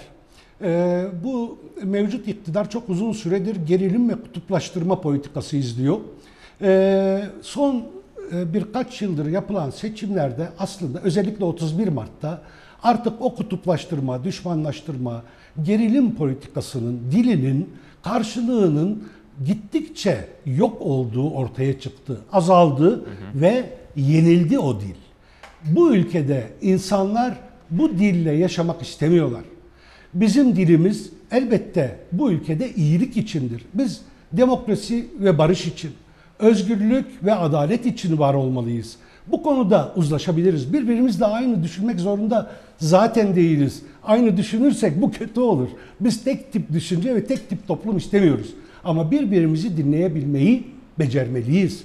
Birbirimize hitap edebilmeyi başarmalıyız. Birbirimize hakaret etmeden en sert şekilde eleştirmeyi bilebilmeliyiz. Bunları başarabilirsek biz bu ülkede barışı da kurarız. En zor sorunları da gerçekten çözeriz. Ülkeyi birdenbire cennete dönüştürmeyiz, dönüştüremeyebiliriz. Buna zaman gerekir ama bu ülkeyi bu dille bu cehennemden çıkarabiliriz. Buna bu ülkenin insanların gücü, vicdanı yeterlidir. Çok sağ olun. Demokrasiye, özgürlüklere, barışa, halkımıza, Türkiye'mizin gücüne, Türkiye Cumhuriyeti'nin büyüsüne inanıyoruz. Size teşekkür ederim. Ama bir de pardon. Demirtaş'ın durumu ne- nedir efendim en son? Mahkemeler vesaire en son durum nedir? En son şunu söyleyeyim tabii Demirtaş e, çok büyük bir adaletsizlik ve haksızlıkla rehin tutuluyor biliyorsunuz. E, 2015 hatta 2014 Cumhurbaşkanlığı seçimlerinden başlayarak bir e, neredeyse kan davası güdülüyor Demirtaş'a karşı. Selahattin Demirtaş'ı en son grup başkan vekillerimiz ziyaret ettiler e, Edirne cezaevinde birkaç gün önce. Sağlığı iyi ama risk büyük. Sadece onun için değil, cezaevlerindeki bütün insanlar için risk büyük. Çünkü cezaevleri en büyük risk mekanlarıdır. O nedenle o düzenleme yapılırken eğer amaç bu riske karşı tedbir almak idiyse o zaman cezaevlerinde en başta fikirleri ve siyaset hakkını kullandıkları için tutulanlar serbest bırakılmalıydı. Onlar kapsama alınmalıydı. Selahattin Demirtaş e, morali iyi, sürekli bizim bu çalışmaları nasıl daha iyi yürütebileceğimiz konusunda çaba ve emek sarf ediyor. Karşılıklı fikirleri geliyor, bize geliyor. E, yapabildiğimiz ölçüde bu fikir alışverişini sürdürüyoruz. E, kendisinin herkese de her seferinde zaten sosyal medyadan iletiyor. Selamları var bu halka bizim bizimle birlikte inancının altını her seferinde Teşekkür ediyorum. çiziyor. Sayın Mithat Sancar. HDP eş genel başkanı İsmail Küçükler'e Demokrasi Meydanı'na katıldığınız için bütün sorularımızı, itiraz ve eleştirilerimiz de dahil olmak üzere içtenlikle yanıtladığınız için size çok teşekkür ediyorum. Sağ olun. İşte Demokrasi Meydanı'nda Türkiye böyle, Türkiye büyük bir ülke, Türkiye güçlü bir ülke ve Türkiye zorlukları demokrasiyle aşacak efendim. Ne darbesi? Ne darbesi? Türkiye demokrasiyle sahip olduğu o geleneklerle, kültürlerle Cumhuriyetini ileriye daha taşıyacak. Bakın gelecek hafta 19 Mayıs'ı kutlayacağız efendim. Atamızın gençliğe armağan. Bu arada atamız demişken unutmayayım. Ankara Ticaret Odası Başkanı bana bunu göndermiş. Bir tane de böyle Atatürk'lü bir ajan da göndermiş. Ankara Ticaret Odası Başkanı'na çünkü atamız Ankaralıdır. Ve Ankara'yı başkent yapan, dağılmakta olan bir imparatorluktan modern bir cumhuriyet kuran büyük bir siyasi ve askeri dehadır. Gazi Mustafa Kemal Atatürk'ün aziz hatırası önünde saygıyla eğiliyoruz. Şimdi gündeme şöyle birazcık bakmak istiyorum. Dünya Gazetesi'nden bir haber aldım. Avrupa Birliği Komisyonu Türkiye ekonomisi 2020'de %5.4 daralacak diyor. Bu arada doların 7.24'e geldiğine dair en son bilgiyi de sizlere maalesef aktarmak durumunda kaldım. 7.24. Ahmet Yavuz emekli bir general darbe söylemi artık kabak tadı verdi ve istismara dönüştü diyor. Kendisi de FETÖ kumpaslarıyla cezaevinde yatan bir Mustafa Kemal askeridir Ahmet Yavuz. Fahrettin Altun, Cumhurbaşkanı Erdoğan'ın iletişim baş danışmanı Profesör Altun, Gedikpaşa Ermeni Kilisesi Vakfı Başkanı ve Ermeni Vakıflar Birliği Genel Sekreteri Sayın Harutyun Şanlı'nın Covid-19 nedeniyle hayatını kaybetmesinden üzüntü duydum. Eşi Öjeni Hanım başta olmak üzere ailesine ve Ermeni toplumuna başsağlığı dilerim dedi. Bu da dikkatimi çekmişti. Sizlere de anlatmak istedim. Özer Sencar, Meral Akşener'in popülaritesi Kasım 2019'dan bu yana belirgin şekilde artmış. Parti liderleri arasında popülaritesi en yüksek ikinci olmuş. Dikkate değer bir durum. Yani belediye başkanları arasında Mansur Yavaş'ın popülaritesi çok artarken liderler arasında da Akşener'in popülaritesi yani popülerlik düzeyi artıyor. Özer Sencar Metropol. Genelgeye göre anneler günü dolayısıyla cumartesi ve pazar günleri çiçek satan iş yerleri evlere servis şeklinde hizmet verebilecek. Hatırlarsınız sizlere bu hafta çiçekçilerden bahsetmiştim. Bizim Sivas'ta Eyüp Bey'den başlayarak sonra onların dernek başkanını dinletmiştim. Ankara Ticaret Odası Başkanı. Ankara Çiçekçiler Odası Başkanı da beni aramıştı. Çiçekçiler yaklaşan anneler günü nedeniyle istisna istiyor. Sonu sokağa çıkma kısıtlaması 24 ilde uygulanacak. Fırın ve unlu mamul satışı yapan dükkanlar yine açık. Restoranlar, lokantalar paket servis yapmak kaydıyla çalışacak hafta sonu. Bu hafta sonu istisnai olarak çiçekçiler de çalışacak. Pazar günkü anneler günü dolayısıyla. Hafta sonu sokağa çıkma kısıtlamasına birkaç gün kala İçişleri Bakanlığı valiliklere genelge gönderdi. Geçtiğimiz hafta 7 ilin giriş çıkışları serbest bırakılmıştı. Dolayısıyla bu hafta sonu sokağa çıkma yasağı uygulanacak il sayısı 24'e düştü. Bu hafta sonu sokağa çıkma yasağının uygulanacağı illerin listesi şöyle. Adana, Ankara, Balıkesir, Bursa, Denizli, Diyarbakır, Eskişehir, Gaziantep, İstanbul, İzmir, Kahramanmaraş, Kayseri, Kocaeli, Konya, Manisa, Mardin, Ordu, Sakarya, Samsun, Şanlıurfa, Tekirdağ, Trabzon, Van ve Zonguldak. 10 Mayıs pazar gününe denk gelen Anneler Günü içinse istisna bir uygulamaya gidildi bu hafta sonu. Çiçekçiler cumartesi ve pazar günü açık olacak sokağa çıkma kısıtlamasının olduğu illerde çiçek satan iş yerleri evlere servis şeklinde hizmet verebilecek. Sokağa çıkma kısıtlaması öncesinde 8 Mayıs Cuma günü market, bakkal ve manavlar gece 23'e kadar açık. 9 Mayıs Cumartesi ve 10 Mayıs Pazar günleri market, bakkal, manav kapanıyor. Ramazan ayı ile uygulanmaya başlayan restoran istisnası da sürecek. Sadece evlere paket servis şeklinde hizmet sunmak üzere lokanta ve restoranlar Cumartesi Pazar açık kalacak. Fırınlarda ekmek üretim ve satışı devam edecek. Unlu mamul ve tatlı üretimi de sürecek. Ancak sadece evlere paket servis şeklinde satış yapılabilecek. Ne yapacağız? İşte buradan şöyle yürüyeceğiz. İşte bir belki deniz kenarına kadar gideceğiz. Öte yandan bu hafta sonu 81 ilde 65 yaş ve üzerindeki ileri yaş risk grubuna giren vatandaşlar 11-15 saatleri arasında sokağa çıkabilecek. Eğer ihtiyaç duyuluyorsa yanlarında refakatçileri olabilecek. Ancak evlerinin yakınında yürüme mesafesinde olmaları isteniyor. Bakanlık valiliklerden gönderdiği genelgeyle bir bilgilendirme kampanyası yapılmasını talep etti. Bu hafta sonu sokağa çıkma kısıtlamasının uygulanmayacağı 57 ilde herkes sokaktayken ileri yaş grubunun sokakta olacak olması sosyal mesafeyi sınırlandırabilir, riski arttırabilir. Bu yüzden sokağa çıkma yasağı olmayan 57 ilde pazar günü saat 11-15 arasında diğer vatandaşların gönüllü olarak evlerinden çıkmamaları isteniyor. Evet bir taraftan mesajlarınız geliyor, sorularınız geliyor. Şimdi dün yayından çıktım. Şimdi önce danışmanımla konuştum. Günü değerlendiriyoruz. Bir taraftan notlar alıyorum ben ne yaptık, ne ettik filan. Ondan sonra biraz daha kanalda kalıyorum öğlene kadar. Sonra bir telefon. Annem arıyor. Kendi annem değil. Yani çok annemiz var. Bütün çalar zaten anneleri. Trabzon'daki annem arıyor. Evladım dedi nasılsın? İyiyim annem sen nasılsın dedim. Anlattık hal beş. E dedi ki sen dedi bugün Latife anneyi bağladın dedi. Hani benden hiç bahsetmiyorsun dedi. Anne dedim her gün 3-4 anneyle konuşuyorum. Yarın da senden bahsedeyim. Annem hatta mı arkadaşlar? Bakalım. Nazmiye anne günaydın. Günaydın oğlum, günaydın. Nasılsın annem?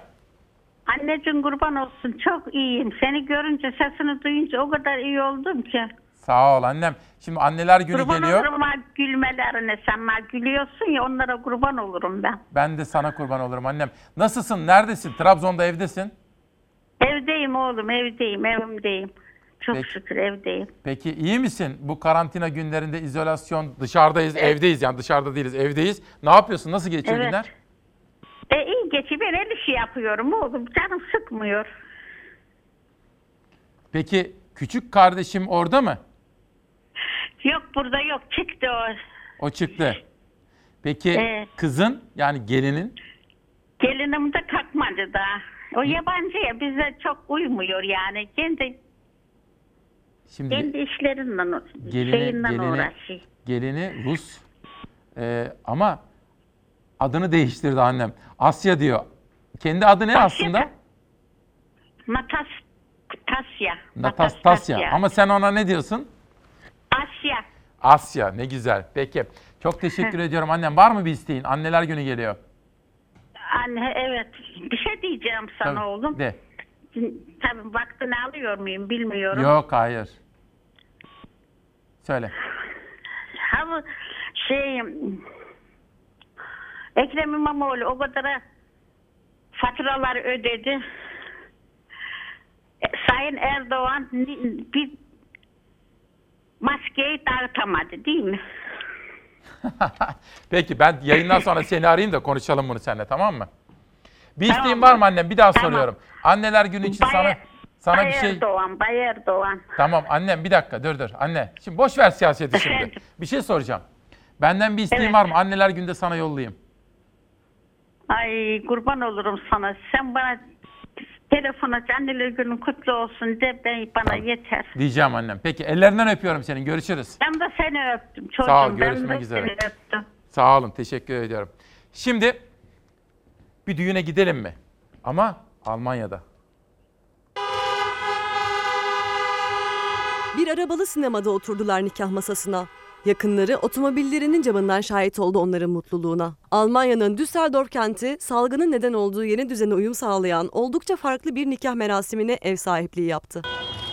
Beyaz perde yerine nikah masası vardı ama görüntüler bir aşk filmini aratmadı. Arabalı sinemada gerçekleştirilen düğün töreninde keyifli anlar yaşandı. Çiftin yakınları park alanında arabalarının camından izlediler nikah törenini. Tedbirler öpücüklerle değil kornalarla geldi bu kez.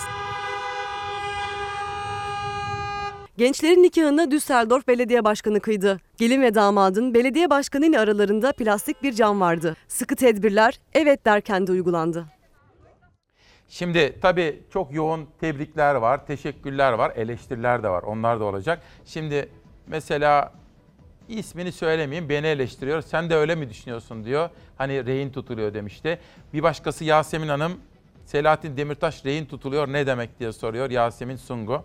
Şimdi şöyle söyleyeyim bana da soran birisi var. Ben öyle düşünmüyorum. Hani rehin tutuluyor falan demem ben.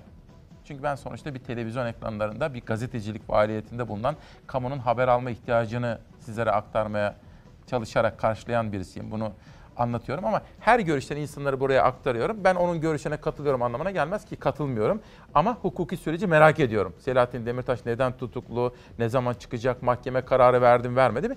Benim görevim sorgulamak ama her konuğumun söylediğine ben katılmıyorum gayet tabii ki. Rehin tutulduğu görüşüne de katılmıyorum. Bunu da sordu iki ayrı insan Yasemin Hanım ve adımı verme diyen bir başka arkadaşımız. Yani demokrasi böyle bir şey. Birbirimizi dinleyeceğiz. Aykırı bile olsa ama itiraz ettiğimiz zaman da bunu söyleyeceğiz. Böylece demokrasimizi her zaman yukarıya taşıyacağız ki her şey ne için? Türkiye için. Yurdumdan korona manzaraları. Sahil kesimini boşaltıyoruz. Herkesin sağlığı için bu. Samandağ'da gece saatlerinde Hıdrellez denetimleri vardı. Tosya sokaklarına inen bir karaca görenleri şaşırttı. İstanbul'da ise otoyolda kalabalıktı, caddelerde.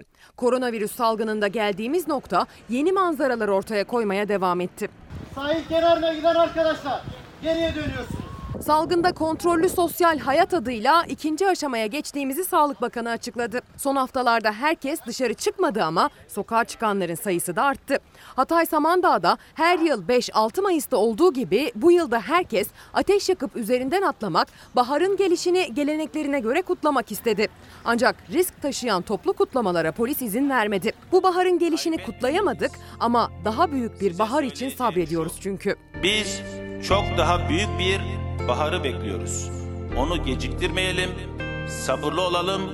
Büyük bahara daha var, evde kalalım. Sağlık Bakanı böyle demişti Nisan ayında. Bahar kendini ilk hissettirdiğinde söylemişti. Ancak baharın ve güneşli havanın cazibesine dayanamayanlar son haftalarda dışarı çıkmaya başladı. İstiklal Caddesi'nde çekilen kalabalık görüntüler salgın endişesini arttırdı.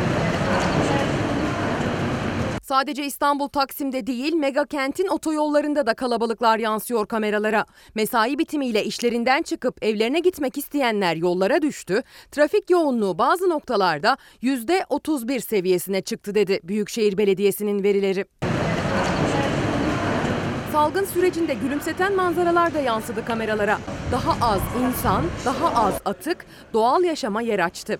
Kastamonu Tosya'nın sokaklarında gezinirken kameralara takılan minik bir karaca görenleri gülümsetti. Dokuz farklı ülkeden kadınların bir araya gelerek dikkati çektiği konuysa salgının bambaşka bir boyutuydu. Kadına yönelik ev içi şiddet. Koronaya kapıyı kapattık. Peki ya içeride kalan patriarka? Virüsten çok daha büyük bir tehlikeyle karşı karşıya olduğumuzun ne zaman farkına varacaksınız? Türkiye, Yeni Zelanda, İtalya, Romanya, Brezilya, Kongo, Kolombiya ve Kamerun'dan kadınlar ev içi şiddetin salgın döneminde arttığına dikkat çekti. Sadece Türkiye'de kadına şiddet pandemi sürecinde %38 arttı. Pek çok ülkede yayınlanan videoda virüsten kaçıp evine sığınmanın bazı kadınlar için daha çok şiddet görmek anlamına geldiğini söylediler. La quarantena aumenta il rischio di violenza domestica e assistita. L'isolamento scoraggia la denuncia della violenza. Chiediamo fondi straordinari e una sinergia nazionale. Il governo deve agire ora. Bu sabahı da kitaplarla kapatmak isterim ama sonra bir sürpriz hazırladım. Nazen de sevgilim diyeceğiz. Ve işte Bekmirze İlbay Solak yeni çıkan kitabını bana göndermiş. Teşekkür ederiz. Ve Çorumlu Mareşal 78 Hasan Paşa. Bunlar da böyle yine yazılan ve imzalı olarak bana gönderilen kitaplar. Kendilerine teşekkür ediyorum. Ve veteriner hekimle ibadet Profesör Doktor Fuat Odabaşıoğlu. O da yine imzalı kitaplardan birisi bize gönderilen. Çok teşekkür ediyorum. Gülten Akın nasıl sevmiş biliyor musunuz? Seni sevdim. Seni birdenbire değil, usul usul sevdim. Uyandım bir sabah. Öyle değil. Nasıl yürür öz su dal uçlarına ve gün ışığı sislerden düşsel ovalara Seni öyle sevdim. Seni usul usul sevdim.